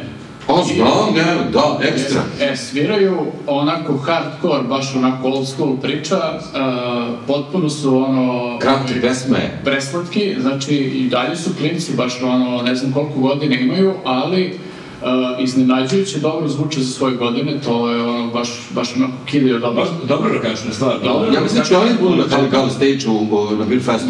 Ne bi mi se nadalo uopšte, da oni su imali jedan demo snimak pre ovoga, sad su objavili prvi a, ono, single, ono, baš ovaj, profi snimljeni sve i snimali su u studiju Citadela, to je inače studio koji drže Luka Matković iz benda Quasar Born, koji je isto onako jako dobar band. Čovjek, Naravno. ne treba posle predstavlja da. Ovo ću sad da pomenem, zato što su stvarno radili sa te produkcijske strane do jaja stvar, ono stvarno super je snimljena pesma. I brže, ono, dobre su dobre su, Održavam i moj glas. Nešto, Stvarno je delo vrlo autentično, onako je vrlo se da. nasrčali, to je baš pravi. Sad ste to pokazivali, zašto ja to nisam videla? E, Ja, jako su, da, srčani u svemu tome i e, pritom imaju malo onako, ok, hardcore često ima te poruke ložačke, ali oni imaju poruku koja je ono ložačka, ali ono na jedan krajnji onako ovaj, e, simpatičan način, e, pesma se zove inače Ostajem pozitivan i skroz je u tom fazonu ono kao... To bi trebalo da čujem. neki- Pa, znaš šta, te, ti bi malo napad panike kad bi krenuo na takav način, mislim, refren je, da, optimističan, ali imaš do refrena onako, dž, dž, dž. Da, malo su, Da, hardcore. tvrdi su hardcore, je, znaš, ali imaju malo taj drugačiji pristup koji nije baš tipičan za hardcore. Imaš i noćku sekciju na kraju, ne? Jeste. Tako je, to je ovaj deo, ovaj malo koji svira i na prototipu. Jeste, e, Mark, odličan je. Imaju trombo na kraju, da, tako da je ovaj, onako sve to u paketu jako obećavajući meni Jeste, deluje, tako da jedno čekam da snime album da vidim kako će to da izgleda. E, sviraće i oni, ja mislim da su oni sad ta nova generacija, Kali Gali su ih usvojili, znači tri benda, Days, Neven i Butleri su to, kao nova e, pa generacija, tako da, o istih stvari, to je super, da. To je super, znači što su obratili pažnju i... Jel, Jedino ne znam Micko Biće da će on, kao, on je nekao zdrav, da. da, e, ovaj, da, i pomenuo bih ovaj, od ono, drugu, drugih stvari ovaj, ovog puta inostrani band uh, koji se zove Strip Talking. Pa to sam ja htela da pričam. Stvarno, otkud ti da pričaš? Ko ne, obožavam taj band. Pre par meseci mi je izašao novi album. Ja ne znam o čemu sad pričam, ovo mi je šok da ti ovaj, uh, pričaš o tom bendu. I, imalo je dojem jedno. Morala sam ovo da ti uradim. A, bukvalno sam naučila i uh, The Night, uh, The Night Does Not Belong to You, Granite Joe sam slušala jutros, zato što je naš prijatelj Damir Duraki rekao da bi bilo super da te prankujemo. O- Ovo ti je bilo kao ono mi nismo anđeli, Vidi, kao malo. muzika Da, da. najviše volim e, zapu. Da, da, da, da. Da, ali da, stvarno si se predivno. Stvarno nisam si čuo, se preslatko da iznenadio. spremano, da. Ja, ja uopšte sam sam ja rekao da sam- si mi ti pričao o tom bendu i o našem drugaru Damiru i da ne bi mogao se šokirati što sam tek rekao pre dva dana da ne znam koji je taj bend. Jeste, da. Da, Bilo bi mi čudno da ti odjednom sad... Wow, pa ja Ali imam koliko ti da lepo iznenadio, mogu da uzmem Uspeo, uspeo mi prank.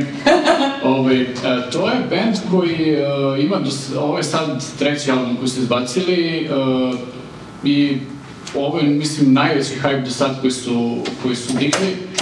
Imaju potpuno lude fanove i sad su rasprodali Wembley, Wembley arenu, ali onu, o, to je neka ne stadion, nego baš arena, zatvoreni prostor koji ima nekih 13.000 kapacitet, tipa rasprodali su taj prostor za 10 minuta, za manje od 10 minuta. Tako da je potpuno ludilo za bendom. Uh, Čekaj, ali jel imaju malo fanova koji su srčani ili imaju veliki broj fanova? Imaju, izgleda, baš dosta fanova. Koji žanr?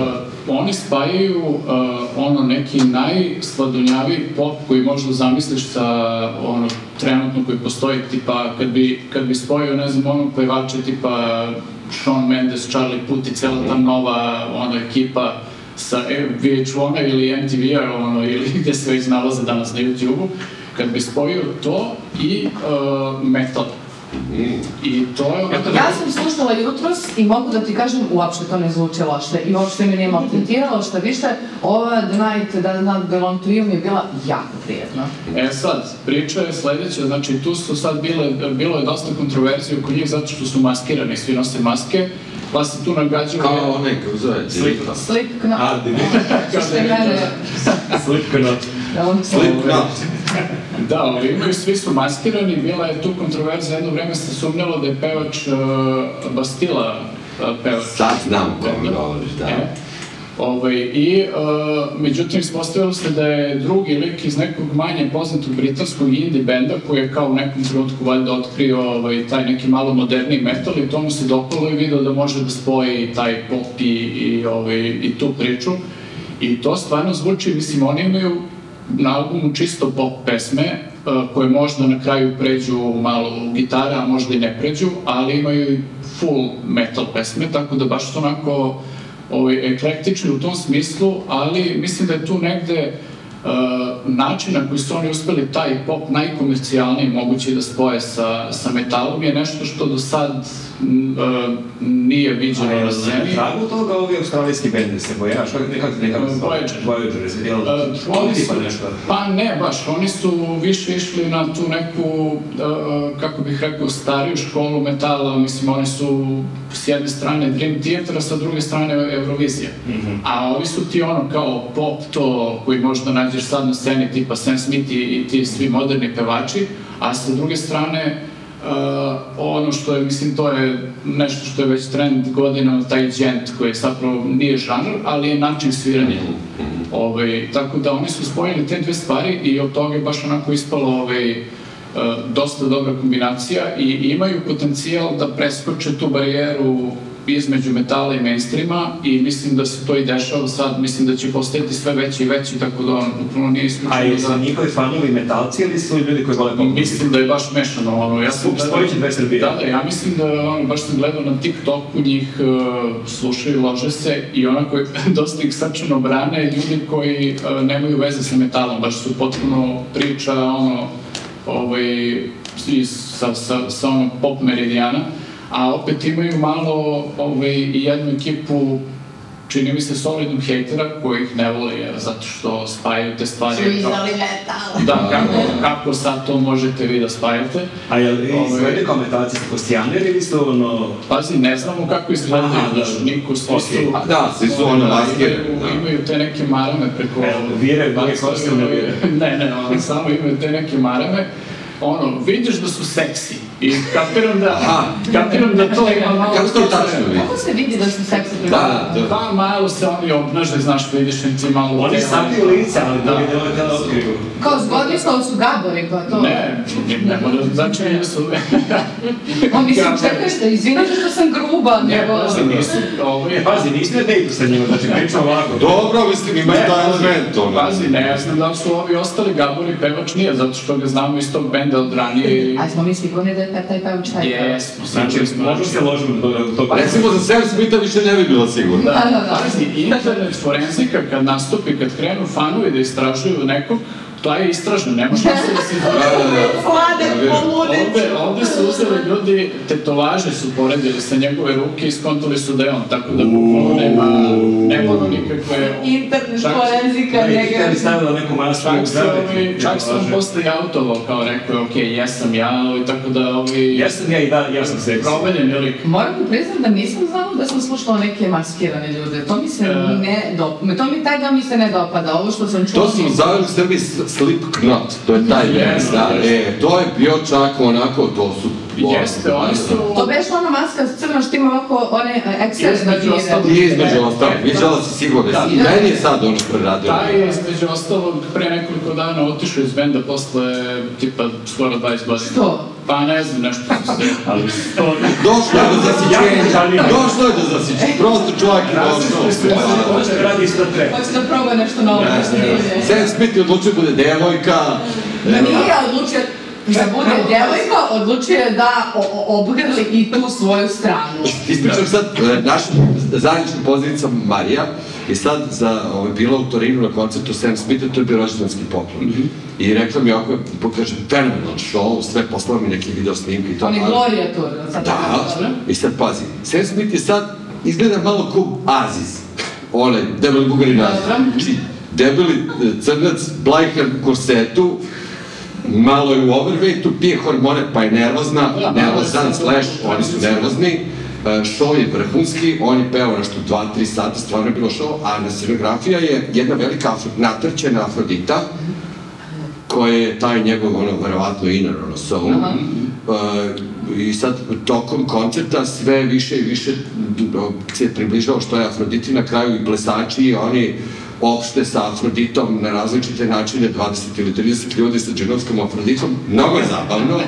Izgleda kao jedna onako potpuno vizualizovana fantazija. ono. Da, da. I stvarno sam bio u fazonu, to bi trebalo videti, ono, Da. to je stvarno ono kao show koji treba da vidiš i super peva, mislim, ono, Ja sam, zamislim. meni je jako bilo krivo što sam videla da su kao mnogi odlepili na taj njegov, na kombinaciju tog obesity-a i uh, razgoličavanja u, u javnim uh, kao nastupima i na slikama.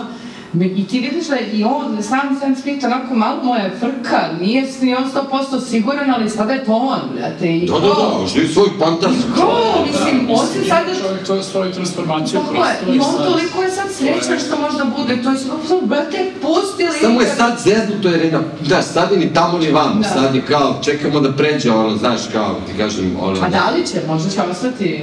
E, pa ja mislim da će preći. Da, mislim da je suviše, suviše već ono dugo... Aziz se, Bugarin Aziz se vratio, kao, Mhm. se vratio kao, kao ono, masculinity, ali kao, ja mislim da je Sam Smith. ono. Jeste, jeste, da Ja sam mislim baš da je ono što... ubeđena da je on tu negde, da je to sad njegovo polje kao jedno i drugo... Aha, misliš ta kombinacija, da. Da. Da, uglavnom, e, ja sam se eto... Vratimo se na prave vrednosti, Da slik-. Ja sam se od uvijek pitao, pošto ja pratim dosta i tu baš komercijalnu scenu i stvarno sam se često pitao kako bi izgledalo da neka dobra, uh, ovaj, dobar spoj popa i metala izgleda i to je ono, sad smo na kraju ono, uspeli to da čujemo, stvarno je mnogo dobar band i imaš ono moment, osim tih nekih kao baladičnih momenta gde baš uh, je taj ono pop fazon, Uh, I imaš i moment, ja mislim u jednoj kao žešćih pesama sa albuma, uh, samo nek se zove pesma, gde kao slušaš pesmu i kao cepa neki metal sve vreme koji je meni super, sad ono ne mora znači da će se svidi generalno ljudima, ali ovaj, minut i po pre kraja, minut i po pre kraja oni prelaze u, u, jebeni funk koji je ono fazon vikend najbolji Šta koji možeš da zamisliš Da, da. sa sve vokalima u tom fazonu, svirka sve. I ti si kao fazonu kad se završi pesma, ok, šta sam sad ovo proučio, A čekaj, onako na gomilu. Možda da zamislim, je li to kao neki new metal fazon da ide prvo pop, pa dž, dž, dž, refren? Ma uopšte ti ne je sve- čoveče. Ili je sve vreme pop metal pomešan? E, ti imaš bukvalno ono, onako i malo čak u nekim pesmama potpuno pop razdeljeno, ali vidiš ti da to nije baš opasnije, kako, ne znam kako da objasnim, malo je zajebanije od običnog popa koji slušaš na Znači, MTV-u. nikad nije 100% pop. Uh, jeste, znači ne, nemaš ti na primjer u nekim pesmama gitaru uopšte, Aha. ali imaš neke bas linije koje su jako zeznute, onako malo je mračnije, tamo ovamo, mislim imaš ti taj neki vibe sve vreme koji je onako u skladu sa njihovim imidžom i, i sve to. Ovaj, ali komotno ti možeš da pustiš ono nekome ko nikad nije slušao metal, neke njihove pesme sa tog novog albuma i taj neko će biti u fazove od super pesme. A suštinski je metal band, mislim, prati ga za sad uglavnom metal publikama, da vidim da sad tu dolazi već do spajanja ono... Evo i ja od danas. Znaš šta, i za Bon, za bon Jovi smo govorili da je metal. metal je širok pojam. Ma da mi nisu rekli uopšte ne bi ja to tako I posmatrala. na kraju završio Alan McBeal, kao, Eto, eto. Da. Stvarno, brat. Kao Pa, house jednog Bon Jovija, da. Dobro. Uglavnom, jako inovativan band, eto ljudi ovaj, ko, koga zanima malo više eksperimentalnih stvari, neka presluša. Čak i neko u komentaru na prošli podcast pitao, ovaj, hoće nekad Steve Token da, da pomenete i... Znači, ljudi već imaju muzičke želje za što ne to u našoj opisu. Mislim da, da, da, a pritom ja sam taj album već planirao da, da pomenem, zato što samo sam morao da ga slušam Niste mi onako... vi otkrili u komentarima, hoćeš da kažeš. Ne, ne, ovo je prosto album koji moraš da stvariš, nije ono baš da preslušaš jednom i da onda kao pričaš o njemu malo onako zbiljnije. Važi, ja neću pričati mnogo o muzici jer, jer Nenad je lepo pričao, ali samo bih ukratko rekao da o, e, Mezar Chaps nastupaju u Beogradu sledećeg petka, ja sam njih, to je jedan sjajan surf rock, ja sam njih, oni su bili u Beogradu i Novom Sadu sedam, osam, deset, ali zato To je super, da. Ali jako je zabavan band. Jako je dobar bend, ruski bend u pitanju, dva muškarca, jedna devojka, jedna basiskenja, onako je super s te bas gitari. Kao Bombing Molesters, on. Pa da, da, ja sam njih potpuno slučajno gledao neke 2010-11. godine, ono, s ortakom sam otišao, nisam znao ni kosti, oduševio sam se, jer tada sam ih slušao ovako privatno, nisam uživo i on sam video na Facebooku pre neki dan da dolazim doma omladine. I neki dan je to, juče prekriče, valjda Glass Dolls, bili su u domu omladine, bili super koncert. Aha. Ove, to, to bi kao sin rekao, kao, otišao je kupio i majicu, kao fenomen, oni baš pravi njuški, new wave punk, ono, pršenje.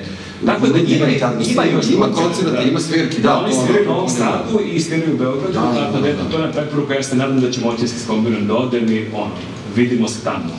Dobro, prelazimo na knjige, moramo da se ubrzamo jer moramo da neki ovde da A u kraju godine će da svira kao. Da, Evo, moramo da kažem se kao, jeste. Knjige, knjige, ajde. Dragane, Pa. Dragane, radi ono što ti pričao. po E, nije, nije, evo, ja ću odmah da kažem, a, kad kažeš knjiga posljednjih, mislim ima nekoliko knjiga, uvijek ima ono 3-4 knjige, pored, ono, nije fora nego kao za čitanje.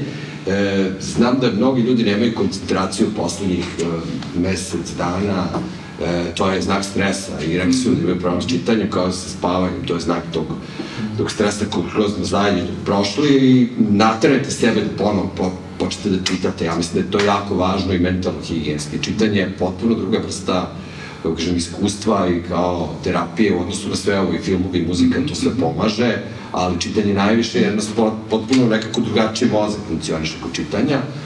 I ja sam sad uzao kao na preporuku, ovaj, pošto sam vidio ovdje stoji, ono, Fante mi je kao bio jedan od ono, otkrića, ali to svaki čast ovaj, na svim izdanjima, ali sad sam uzao ono do Vlatova, kofer, to je super. Ne, savjeti da što je pardon. E, vidio se ako je Ne, bilo. I ono, fazonu sam, ako pročitam ovo, vjerojatno ću da nastavim da čitam i druge, ono, njegove knjige. I to je jedan od, ono, e, mislim, pogotovo me to pogađa, desilo mi se nekoliko puta su me neke knjige se desile da sam ih čitao u neko karakteristično vreme. I sad ovo je, ono, Rus, i kao emigrant, e, to opet ista priča, prvo kao na zapad, pa onda u Ameriku, e, Beograd je pun Rusa, Belorusa, Ukrajinaca, mi smo sad tu neka, ono, strašno kao čudna sredina gde su, s druge strane, dobili smo, dobili smo hiljade visoko obrazovanih, kvalitetnih sugrađana Znaš što meni je rodno kad na kojima zarađujemo, ono, Kad vidiš, na hiri, kad vidiš plakate, koncerata i stand-upova, više ruskih sada muzičara nego domaćih. U knjižarama su se pojavile knjige na ruskom, već su ovi videli Pa ništa bio je sad, objavljivanje. ne znam da li ste ispratili na trgu, je bio nedavno koncert Pelageje, se zove pevačica koja je neka njihova ultra popularna pevačica i kao bio je pun trg. Ali bio recimo u Krcu gradu koncert grupi drama, ono, znaš, kao gde su sve Rusi bili, ono, kao super band i to.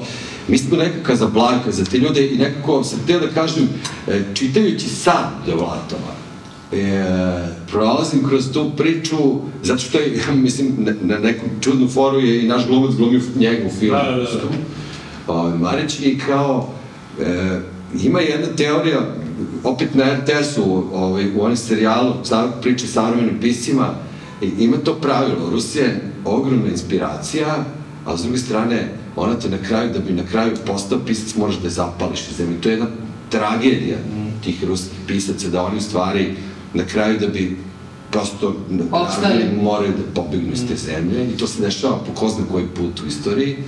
I sad se ponovo dešava. I nekako smo i mi ili prolazna ono, tačka ili neka destinacija krajnja i, i to su sad nevjerovatne scene i slike. I kad čitam njega, ono za svako pre... Ja sam uzao kofer zato što je to obično kao najbolji ulaz u njegovo delo, tako su mi rekli i stvarno jeste. I sad doživljam na Novom Beogradu u okolini ovaj, ne, neke nevjerovatne scene, živim okružen Rusima i moj zgrad ima Rusa i sad, na primjer, dođemo u situaciju da na prodavnici u Maksiju imamo ono Ruse, imamo rusku školu tu, imaš one Putinove Ruse, imaš ove koji su pobegli. I sad ja vidim jedne i druge. Onda vidiš te, te pogled ljudi koji su pobegli. Vidio sam Keust koje, oni su očigledno, oni su dobili iz ambasade brief da se previše ne eksponiraju. I onda vidiš malo dete koje se igre, govori ruski i Keva koja zna, kao, da, da se ne čuje, jer ne zna kako će ljudi da reaguju. Tako da, a mi smo opet sad, tu, tu se sad skupljaju Rusi, Ukrajinci, Belorusi, na putu ka nekom visoko obrazovani, uglavnom ono, ljudi koji su iz IT sektora, iz konsultinga, iz biznisa, ničim nismo ono, ovaj, se njih zadužili i mislim svaka zapadna evropska zemlja bi ono, da izvinite, tu pedala da im dođe 100.000 obrazovanih ljudi koji svoj novac drže u kriptovalutama i da razviju ovu zemlju, ko što su Beli Rusi razvili Beograd, ono, između dva rata. Pa to kako su veliki trag Rusi i Tako jedan je. arhitekta koliko je, arhitekata koliko je bilo. Ja se nadam ono nekom, da će neko od njih i da ostane ovde, da nam pomogne i ovde, da se opet nekako da nas nekako pokrenu. Pogotovo što su to ljudi koji su došli iz ovih urbanih sredina, ono iz velikih gradova, koji su svoj biznis mogli da prenesu.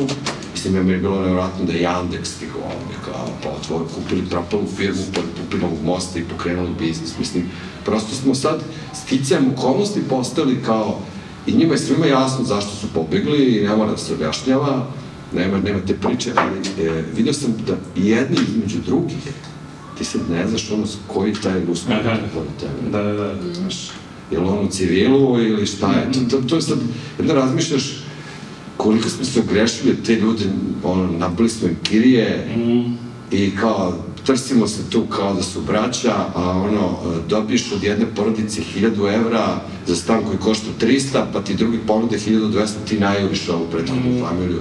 To se dešavalo. Da, Tako da, Mi smo proslavili. nismo se proslavili, apsolutno me sramota, ono, Da, po možda neki budući neki ruski pisac u svojoj knjizi možda napiše takvo iskustvo. Oni lihvari iz Beograda Da, su naplaćivali 1200 evra za dosadašnju stranu. da, da, da, Strašno. Strašno. kao braće. Najgore. Tako da, eto, to sad kao nekako se desi, to je ono nevjerojatno kad ti je ono kao onaj jungijanski su- sinhronicitet, čitaš do Vlatovoj priče iz imigracije i kao to sve skupa gledaš. Da, ja sam tu knjigu kupio na sajmu ili savjete, ali jako lepo pričala o njoj i ti takođe i sad definitivno ću morati. Sad Moraš da pročitaš, Zvanično već jedno. jeste, i ako imam pravo na još jednu želju, ja to nikad ne propuštam da kažem, to je savršena knjiga koja može se čita mnogo puta, to je ostripoterapija i ono, ovaj, Ana Petrović je napravila remek delo, zaista mislim, ono, kao, uspela je da napravi jednu, onako, kako kažem, knjigu sa stripom i pričom dostojnu, ne znam, ono, Jeste. Persepolisa. Pričao sam ja o tome kad se pojavila knjiga da... da Možete donesi mi to? A, da. Zato što to nisam sam čula, pričala sam i zaboravila Ono što je najlepše, to knjiga Jako, se čita više puta. Jako je duhovito, jako je zabavno, a opet vrlo, vrlo neke potresne scene na prikazan jedan i divan način i uz dosta humora. Ona svoju terapiju i vrlo teške teme je kao sa oblačićima i u jednoj tipskoj situaciji ona terapeutkinja i ta soba, terapeutkinja je takođe moja koleginica Tijana Mirović koja je fantastičan terapeut, koja radi sa ljudima sad i decom u, u Ribnikaru.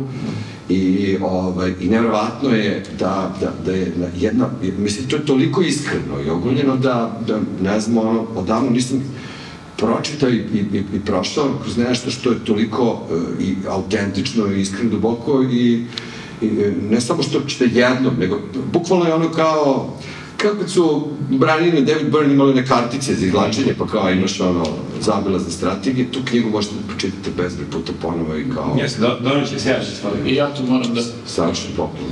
Samo ne znam gde ću vreme da naću. Kad to budeš proći, nećeš imati potrebu za ovim mračnim dokumentarcima, daš, nekako ti ulije tu neku iskru humora. Ok. Jedno te da. Ok, ja ću ovaj, da sačuvam onda ove grafičke novele za sledeći put. Ali samo kažem ko je. A, nema, nema, nema. Ne, sad, Nema, nema, moraš da gledaš. Nije u redu. Lik grafička novela, jako loša, ali da, pričat ću sledeći put o njoj pa, pa slušaj. A, okej. Ovaj, e, inače, da, mislim, umeđu vremenu sam otkrio neki sajt sa kojeg možeš direktno kupuješ ove elektronske stripove i to je sad novo, novo zlo koje, sa kojim moram da se borim u životu. Pa reci, kako zove sajt za ljude koji kopaju. Ostavit ćemo, ne znam Ok, tačan naziv, ok. ovaj, ostavit ćemo u, u komentaru. Ovaj, a, što se knjige tiče, čitao sam Nebesa, a, Sandra Newman je autorka, i a, knjiga je onako neobična, upro- ovo je bila jedna od onih knjiga, ja inače ne volim da odustanem od knjige, ovo je bila jedna od onih od kojih sam negde prvih 50 strana hteo da odustanem, jer kao nekako a, ni, ne da se ništa ne dešava, nego ništa me ne uvlači, ono, ne, ne nije me zakačilo da kao nastavim dalje.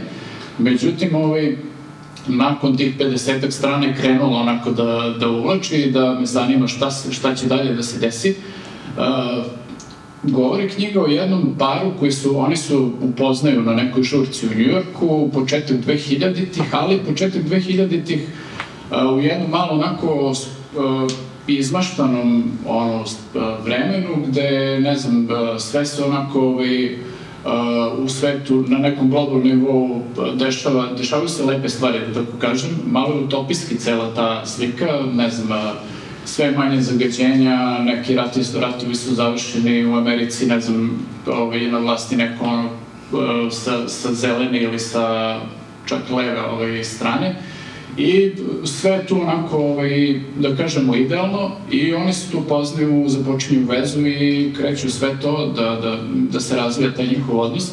Međutim, kako vreme odmiče, ispostavlja se da ona ima neki, a, ne bih ga nazvao poremeć, je više to onako ovaj, neki naučno-fantastični moment u knjizi, gde ona kad, kad spava, u snu se vraća u neke ranije epohe, ovaj, konkretno 16. vek se ovaj, vraća i e, ima potpuno novi karakter u, toj, u tim svojim snovima i potpuno drugi život.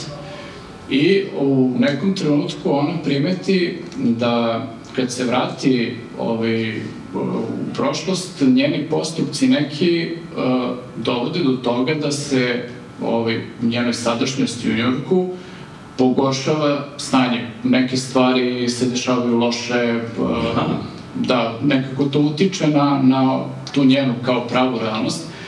I to onda, mislim da ne bih spojilo dalje, to utiče kako na njen odnos sa dečkom sa kojim je umeđu vremena počela da živi zajedno i sad već imaju planove o porodici, sve to počinje da utiče na njen odnos sa njim, ali i prosto ni ona više nije načisto sama sa sobom šta joj se dešava, prosto ne može da dobaci do toga da ovaj, stvari tako funkcionišu, da, da njen san nije samo njen san, nego nešto što praktično utiče na ovu jel, drugu realnost i to ne samo na njenu realnost, nego na realnost drugih ljudi. Dosta velika odgovornost, kada? Jeste, dosta velika odgovornost. To je vreme Sulemana veličanstvenog 16.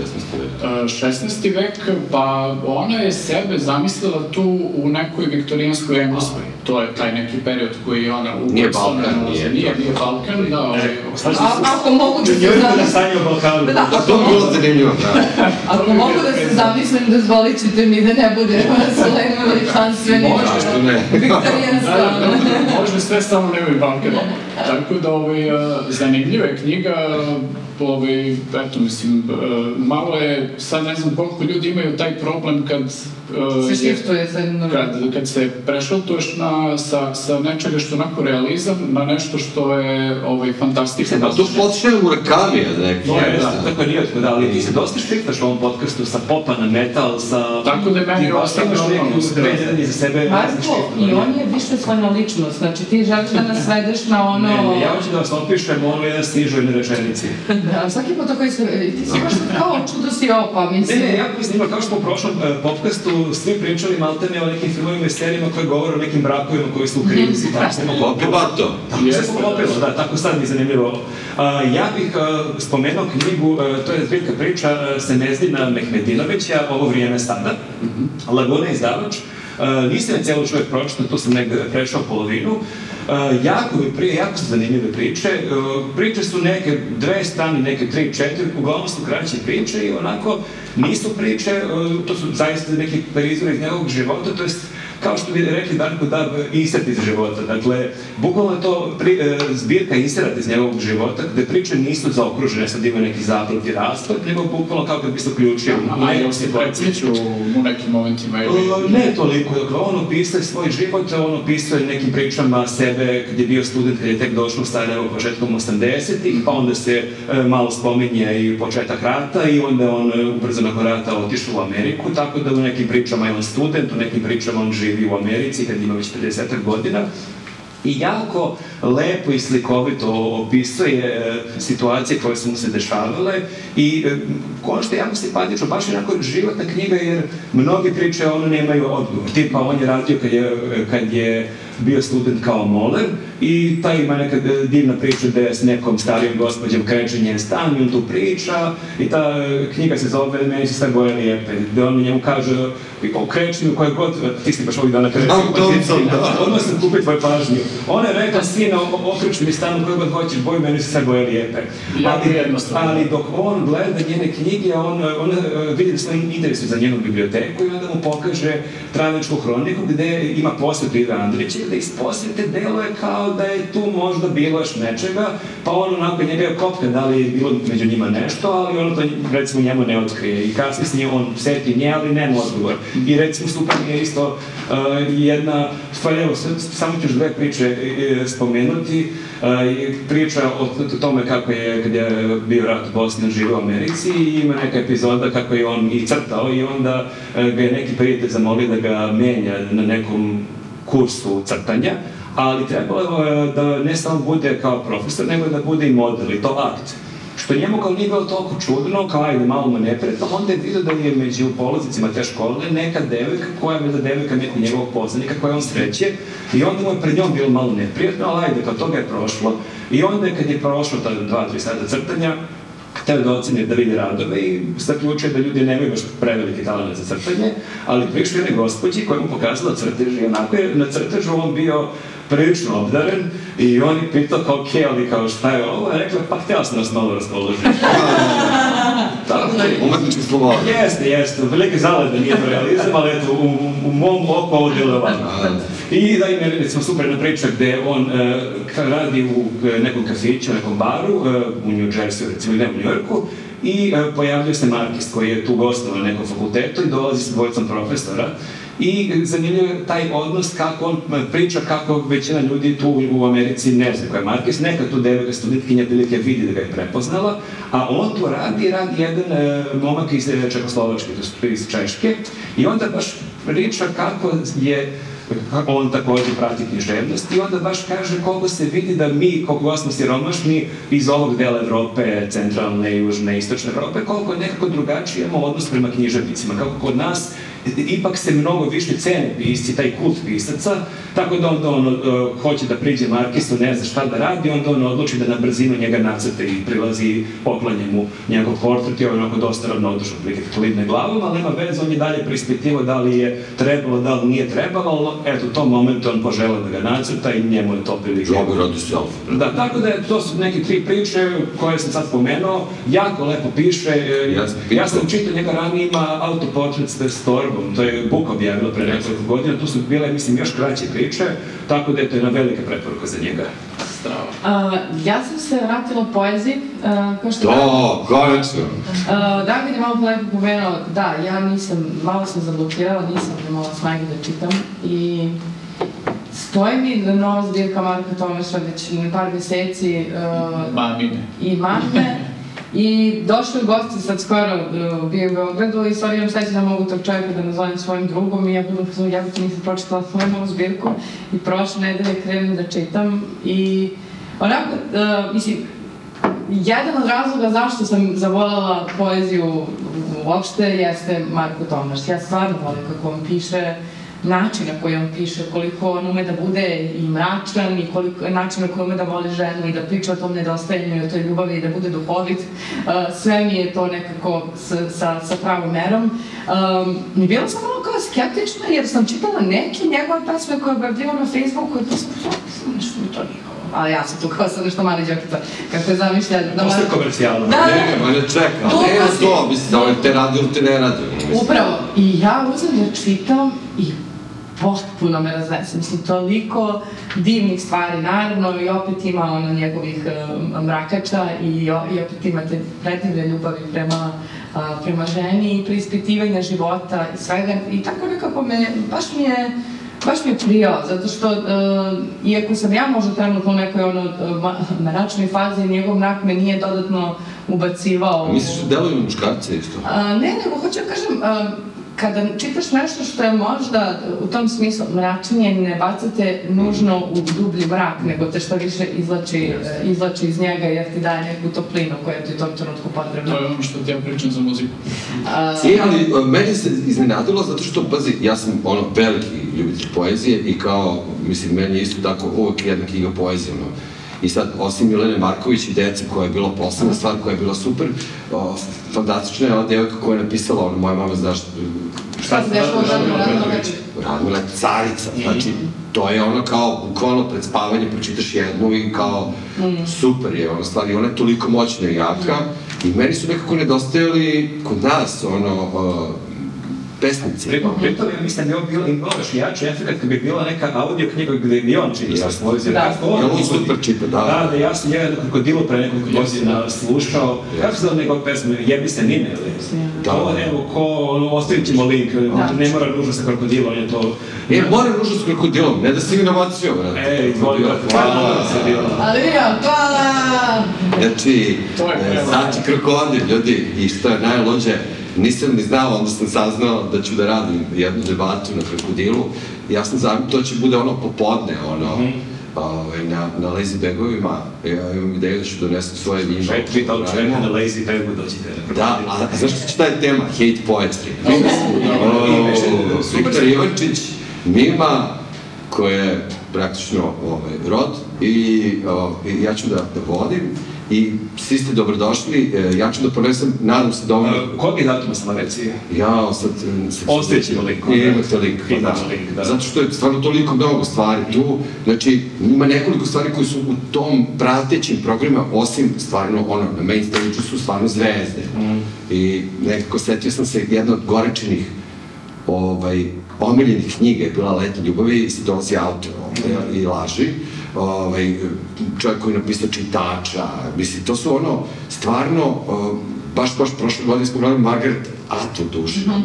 Mislim, to duše putem linka. Jedrin Velš je bio... I, znači, stvarno onako, mislim, fenomenalno, još i taj profil, čak i ako bude neka kišica pre ili posle, nije strašno. Ove, moja tema je hate poetry i ja mislim da su ono relevantni ovaj, gosti, E, Viktor je, ovaj, i sad sam se malo podsjećao iz tog perioda, dakle, do duše, mislim, nije on, ali Dežulović je pisao ono, poeziju iz Lore, kao što je, mislim, par excellence primer kako iz mržnje možda nastane neka umetnost ali je najluđe što sam pitao Arsenijevića svake godine, ja ne, ne vram da je to slučajno, kad je krokodil Natašu bude neki narodnjak dva dana. Prošle godine je bio Aco a- Pejević, a- jebeni Aco Pejević je čuo to, je zanimljivo? Sad je Teja Tejirović, A Baja Mali Klinče, odložen. Uh, da li će sada bude uskore? Jeste, može se preklapa. Meni je- Mada, znaš šta, Baja je oklevetan, Baja ima i svoj ljubavni opus, nije samo Ja bih revolucionarni. ovaj. razumio te- taj spoj što kad je baš bio Irvin Welsh, tamo na 25. maja, te večeri je Partizan igrao neku utakmicu evropsku i što kreće Irvin Welsh, a kreće Bakljada. kreće Bakljada i Vasović na stadionu i on je u fazonu, brate šta je ovo, ovo za Ja ne nas. znam ni jednu pesmu Aci Pejović, ali sam ceo otpust, ono, ono, i pritom je to neko kad ti sedneš gde je krokodil, ono, gde ti imaš bukvalno do crkve Svetog Marka, ono, kao pravu liniju vazdušnu i kao, samo je dolazila. Prenosi se direkt. Ja moram se dođem, mi je jako zanimljivo što si spomenuo krokodil, što je, ni, ni- nisi sad to rekao, što kad si ti nastupao na krokodilu, pre, to je bilo Jeste, 13 jeste. godine, si je, nastupao, da, da. čitajući naše vesti, ti i Gorica, ste Čitali njuzove vesti, i to je bilo stvarno predivno, ako vidjeti vas kako izvodite naše, ono, neke tekstove, kako čitate, to je baš, baš bilo davno. I ja bih, pošto se približavamo kraju, ja mislim sad da bi, Pa sam- ne, ali imali smo imao predstava. Aha, ok, mislim da žuriš, ajde onda Pa predstav. žurimo, ali... Pa, ali ste rekli sad, mislim... Da, ne, nego ne možemo da sad sad zanemarimo pozorište. Samo možeš nešto biti čemu Ajde. na kraju, daj Ajde. reci predstavu. Ajde to pozorište, pa ću ja.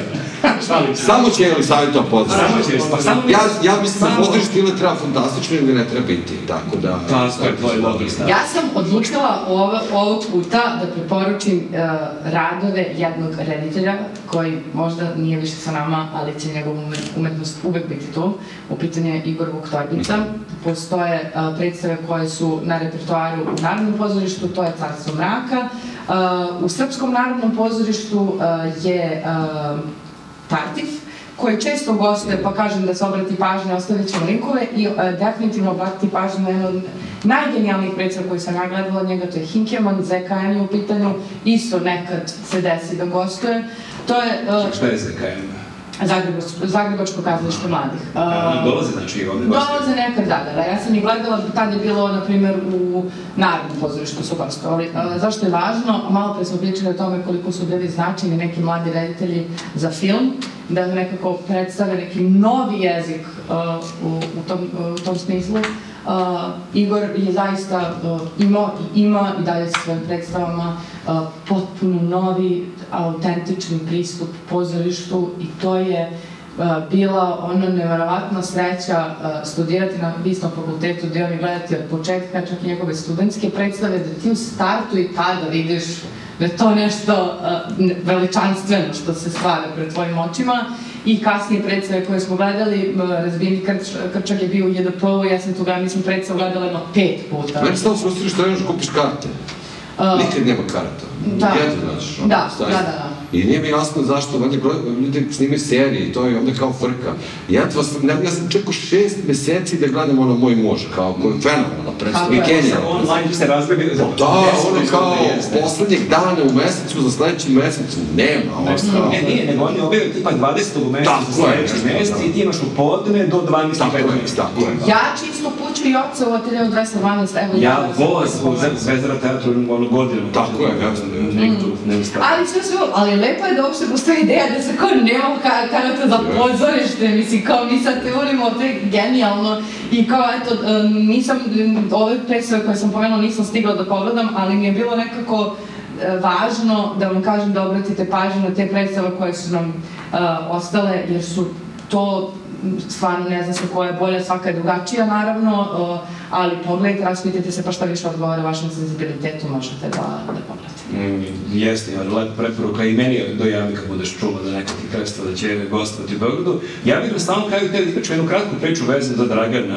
e, koja će možda njemu biti neprijatno pričam javno, ali eto moram da podelim sa našim vidim već pola noći. Čuj, pa znaš šta radiš? Ne, zato što zaista hoćete ja da kažem, to je jedna od najdivnijih priča koju imam, stvarno. Jo, ne, ne, mora, stvarno, mora, crveni, kod nas slušamo ipak samo crveni, ali ja to moram da ispričam, dakle, dešava se priča pre nešto više od 9 godina.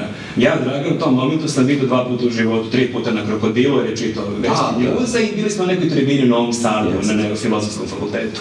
Dakle, bukvalno smo poznanici. I Jasmina je trudna, ulazi u deveti mesec. I mi šetamo, pogubljeni, treba da kupimo krevetac, kolica, bla, bla, bla. I šetamo baš po Belvilu, gde je Dragan živi, tu tražimo nešto, srećemo njega, on kaže ćao, ćao, i vidi, kao, vidi koja je novost, on kaže, on čestitam, šta radite, mi kažemo, evo, e, jurimo krevetac. I on kao, pa čekaj, nema neka baš drugara krevetac, I on kao, nema, Kažem, da ga ništa, ajde uzmite moj telefon, ja mislim da imam neki na krevetac moje dece, ono, mislim da je o, kod o, nekog, ne, kod, Kod drugarice, rekao, to, to je ono kao, da što lanac sreća, Jeste. ko ima u špijesti krevetac, ono. Da. Kadica, krevetac i. I sad on meni kaže, e, kao, e, čujemo se pravda, kaže, e, ovi moj kredit nije, nije više ono funkcionalno, ne znam ovaj, gde je. Ja rekao, ništa, hvala ti u svakom slučaju. Kao, ne, ne, čekaj, kao, pitat ćemo kuma, Mislim, on ima svoj krevetec od njegove dece, koja je negde na taboru. Ja kao, okej, okay. mislim, mislim kao iz Kurtazi bi to rekao, ali hvala mu što se iscima i toliko. Zove mene sutradan, kaže, evo, naš sam ti krevetac, ajde, ja kažem, super, gde da dođem, hvala ti, kao, ne, ne, ne, dovešću ja tebi krevetac, koja je tvoja adresa? Kao, nemoj čoveče, stvarno, ne, ne, insistiram. Ja mu dam moju adresu, on dođe sa svojim kumom, Konjarniku. Jes, tad sam bio na konjerniku, do, dođe on i njegov kum sa krevecom u delovima. Ja već kao ne Hvala mogu Bogu da su montirali, ali... I to je kraj priče. zato Boki je što- majstor, ja nis- ja sam zato samo što- pridržavao. Pozdrav za Bokije, zato što oni dolaze, kaže već, jel moguće ste toliki carevi, si mi lično na adresu dostavio, krevec, kaže, on vadi šrafcirka, sad će meti Ulazi. I on i Boki su meni ne samo doneli krevetac, nego su montirali krevetac.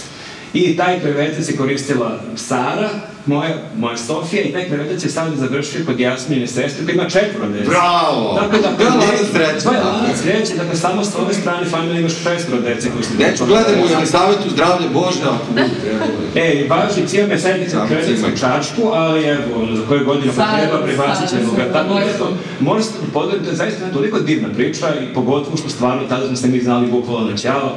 Tako da, Hvala usisali stan posle toga. Kako? Jeste ti usisali stan posle E? Ne, ali kao, moraš da ostaviš, to su nas adresirali kao, e, majstora koji iza sebe ostavi kao... Jeste, la, mora da se početi. To ti je isto ko ovaj razdeljak gde ti veri, kao, malo ono pantalone, ne ideš s trenjerkom. Tako da, stvarno, veliki si car i hvala ti puno. Da. Nakon devet godina, to sam teo da podelim, jer to samo govori koliko si ti divan čovek. I hvala ti puno što si bio naš gost. E, Ovo je stvarno ja divan. Baš je bilo super, ali da? Prošlo jako brzo, mislim, ja se ne mogu da verim, ono, šta je, kao, Da, šta je ostalo? ovo je sad šesti start. Jeste, jeste. Ne, hvala, super je i mislim, ovaj, bilo mi zadovoljstvo da, da pričam. I znaš, znate, malo sam se pribojavao, pomislio sam, jao, zvučat ću ko neki motorac, čita samo klasike, ono, ali dobro, vidim da smo, da smo kao, od prilike, ovaj, pratim, da sam u to... I mi smo torci, možda je to problem. Je li sad da Dobro, otečemo prošle godine? mi smo svi moderni koliko je to moguće, tako da eto. Ali je lepo što zaista mislim da je ono kao uh, jedna od najlepših stvari koje kao da ljudi gledaju podcast kojom se priča kojom je tema kulture i kao toliko mi je više dnevna politika izašla na nos, ne samo meni, svima nama. Svima, da. I, o, I on nije, mislim, ljudi nekad misle da je to kao neki vid eskapizma, kao da ih bežiš od stvarnosti u te kao filmove, serije, knjige.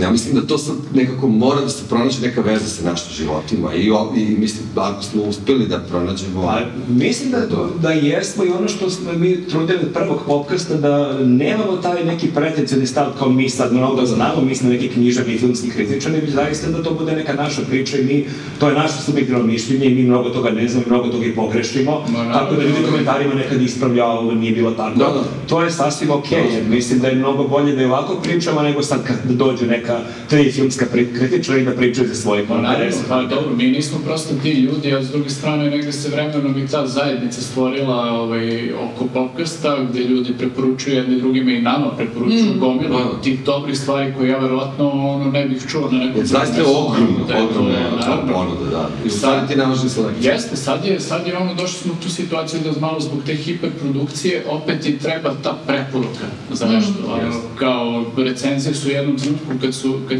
su albume u pitanju izgubile bile na značaju, a sad ponovo dobijaju na značaju zato što kao ne znaš u svemu tome, u tom haosu. Vraća se žabac i ono što iznajemlje Ali i treba, treba nam preporuka, ali čovjek kad što kaže dalje, zadaje domaći zadatak. Treba nam domaći zadatak, to je dobra stvar. To je, to je. Izvinjam. Dobro, Magic Mike 2, Da, očekujte da. sledeće uneđe. Da, samo, ali mislim, ja ću da pogledam samo zbog toga, znaš, kao da čujem, ka, pošto, mislim, prosto možda drugačiji efekt ima na, na drugi pol, ono, kao, Samo treba vi staviti gledati, mi ne moramo. Da, da, ne. Moraš li ti? Ne, Pazi, ja hoću da vidim kako izgleda nova Selma Hayek. E, A ti A, treba A ja ću kako vidim kako neki stepsi tip džusle da skinu neki Tako. Da, naučno nešto, da. Ali ima i on je ostao bez posla, gubila ga recesija i tako. Mislim, ima je jedan socijalni deo, da. da. Ok, gledam onda. Hvala vam puno ljudi. Hvala vam. Da- Ćao. Ćao.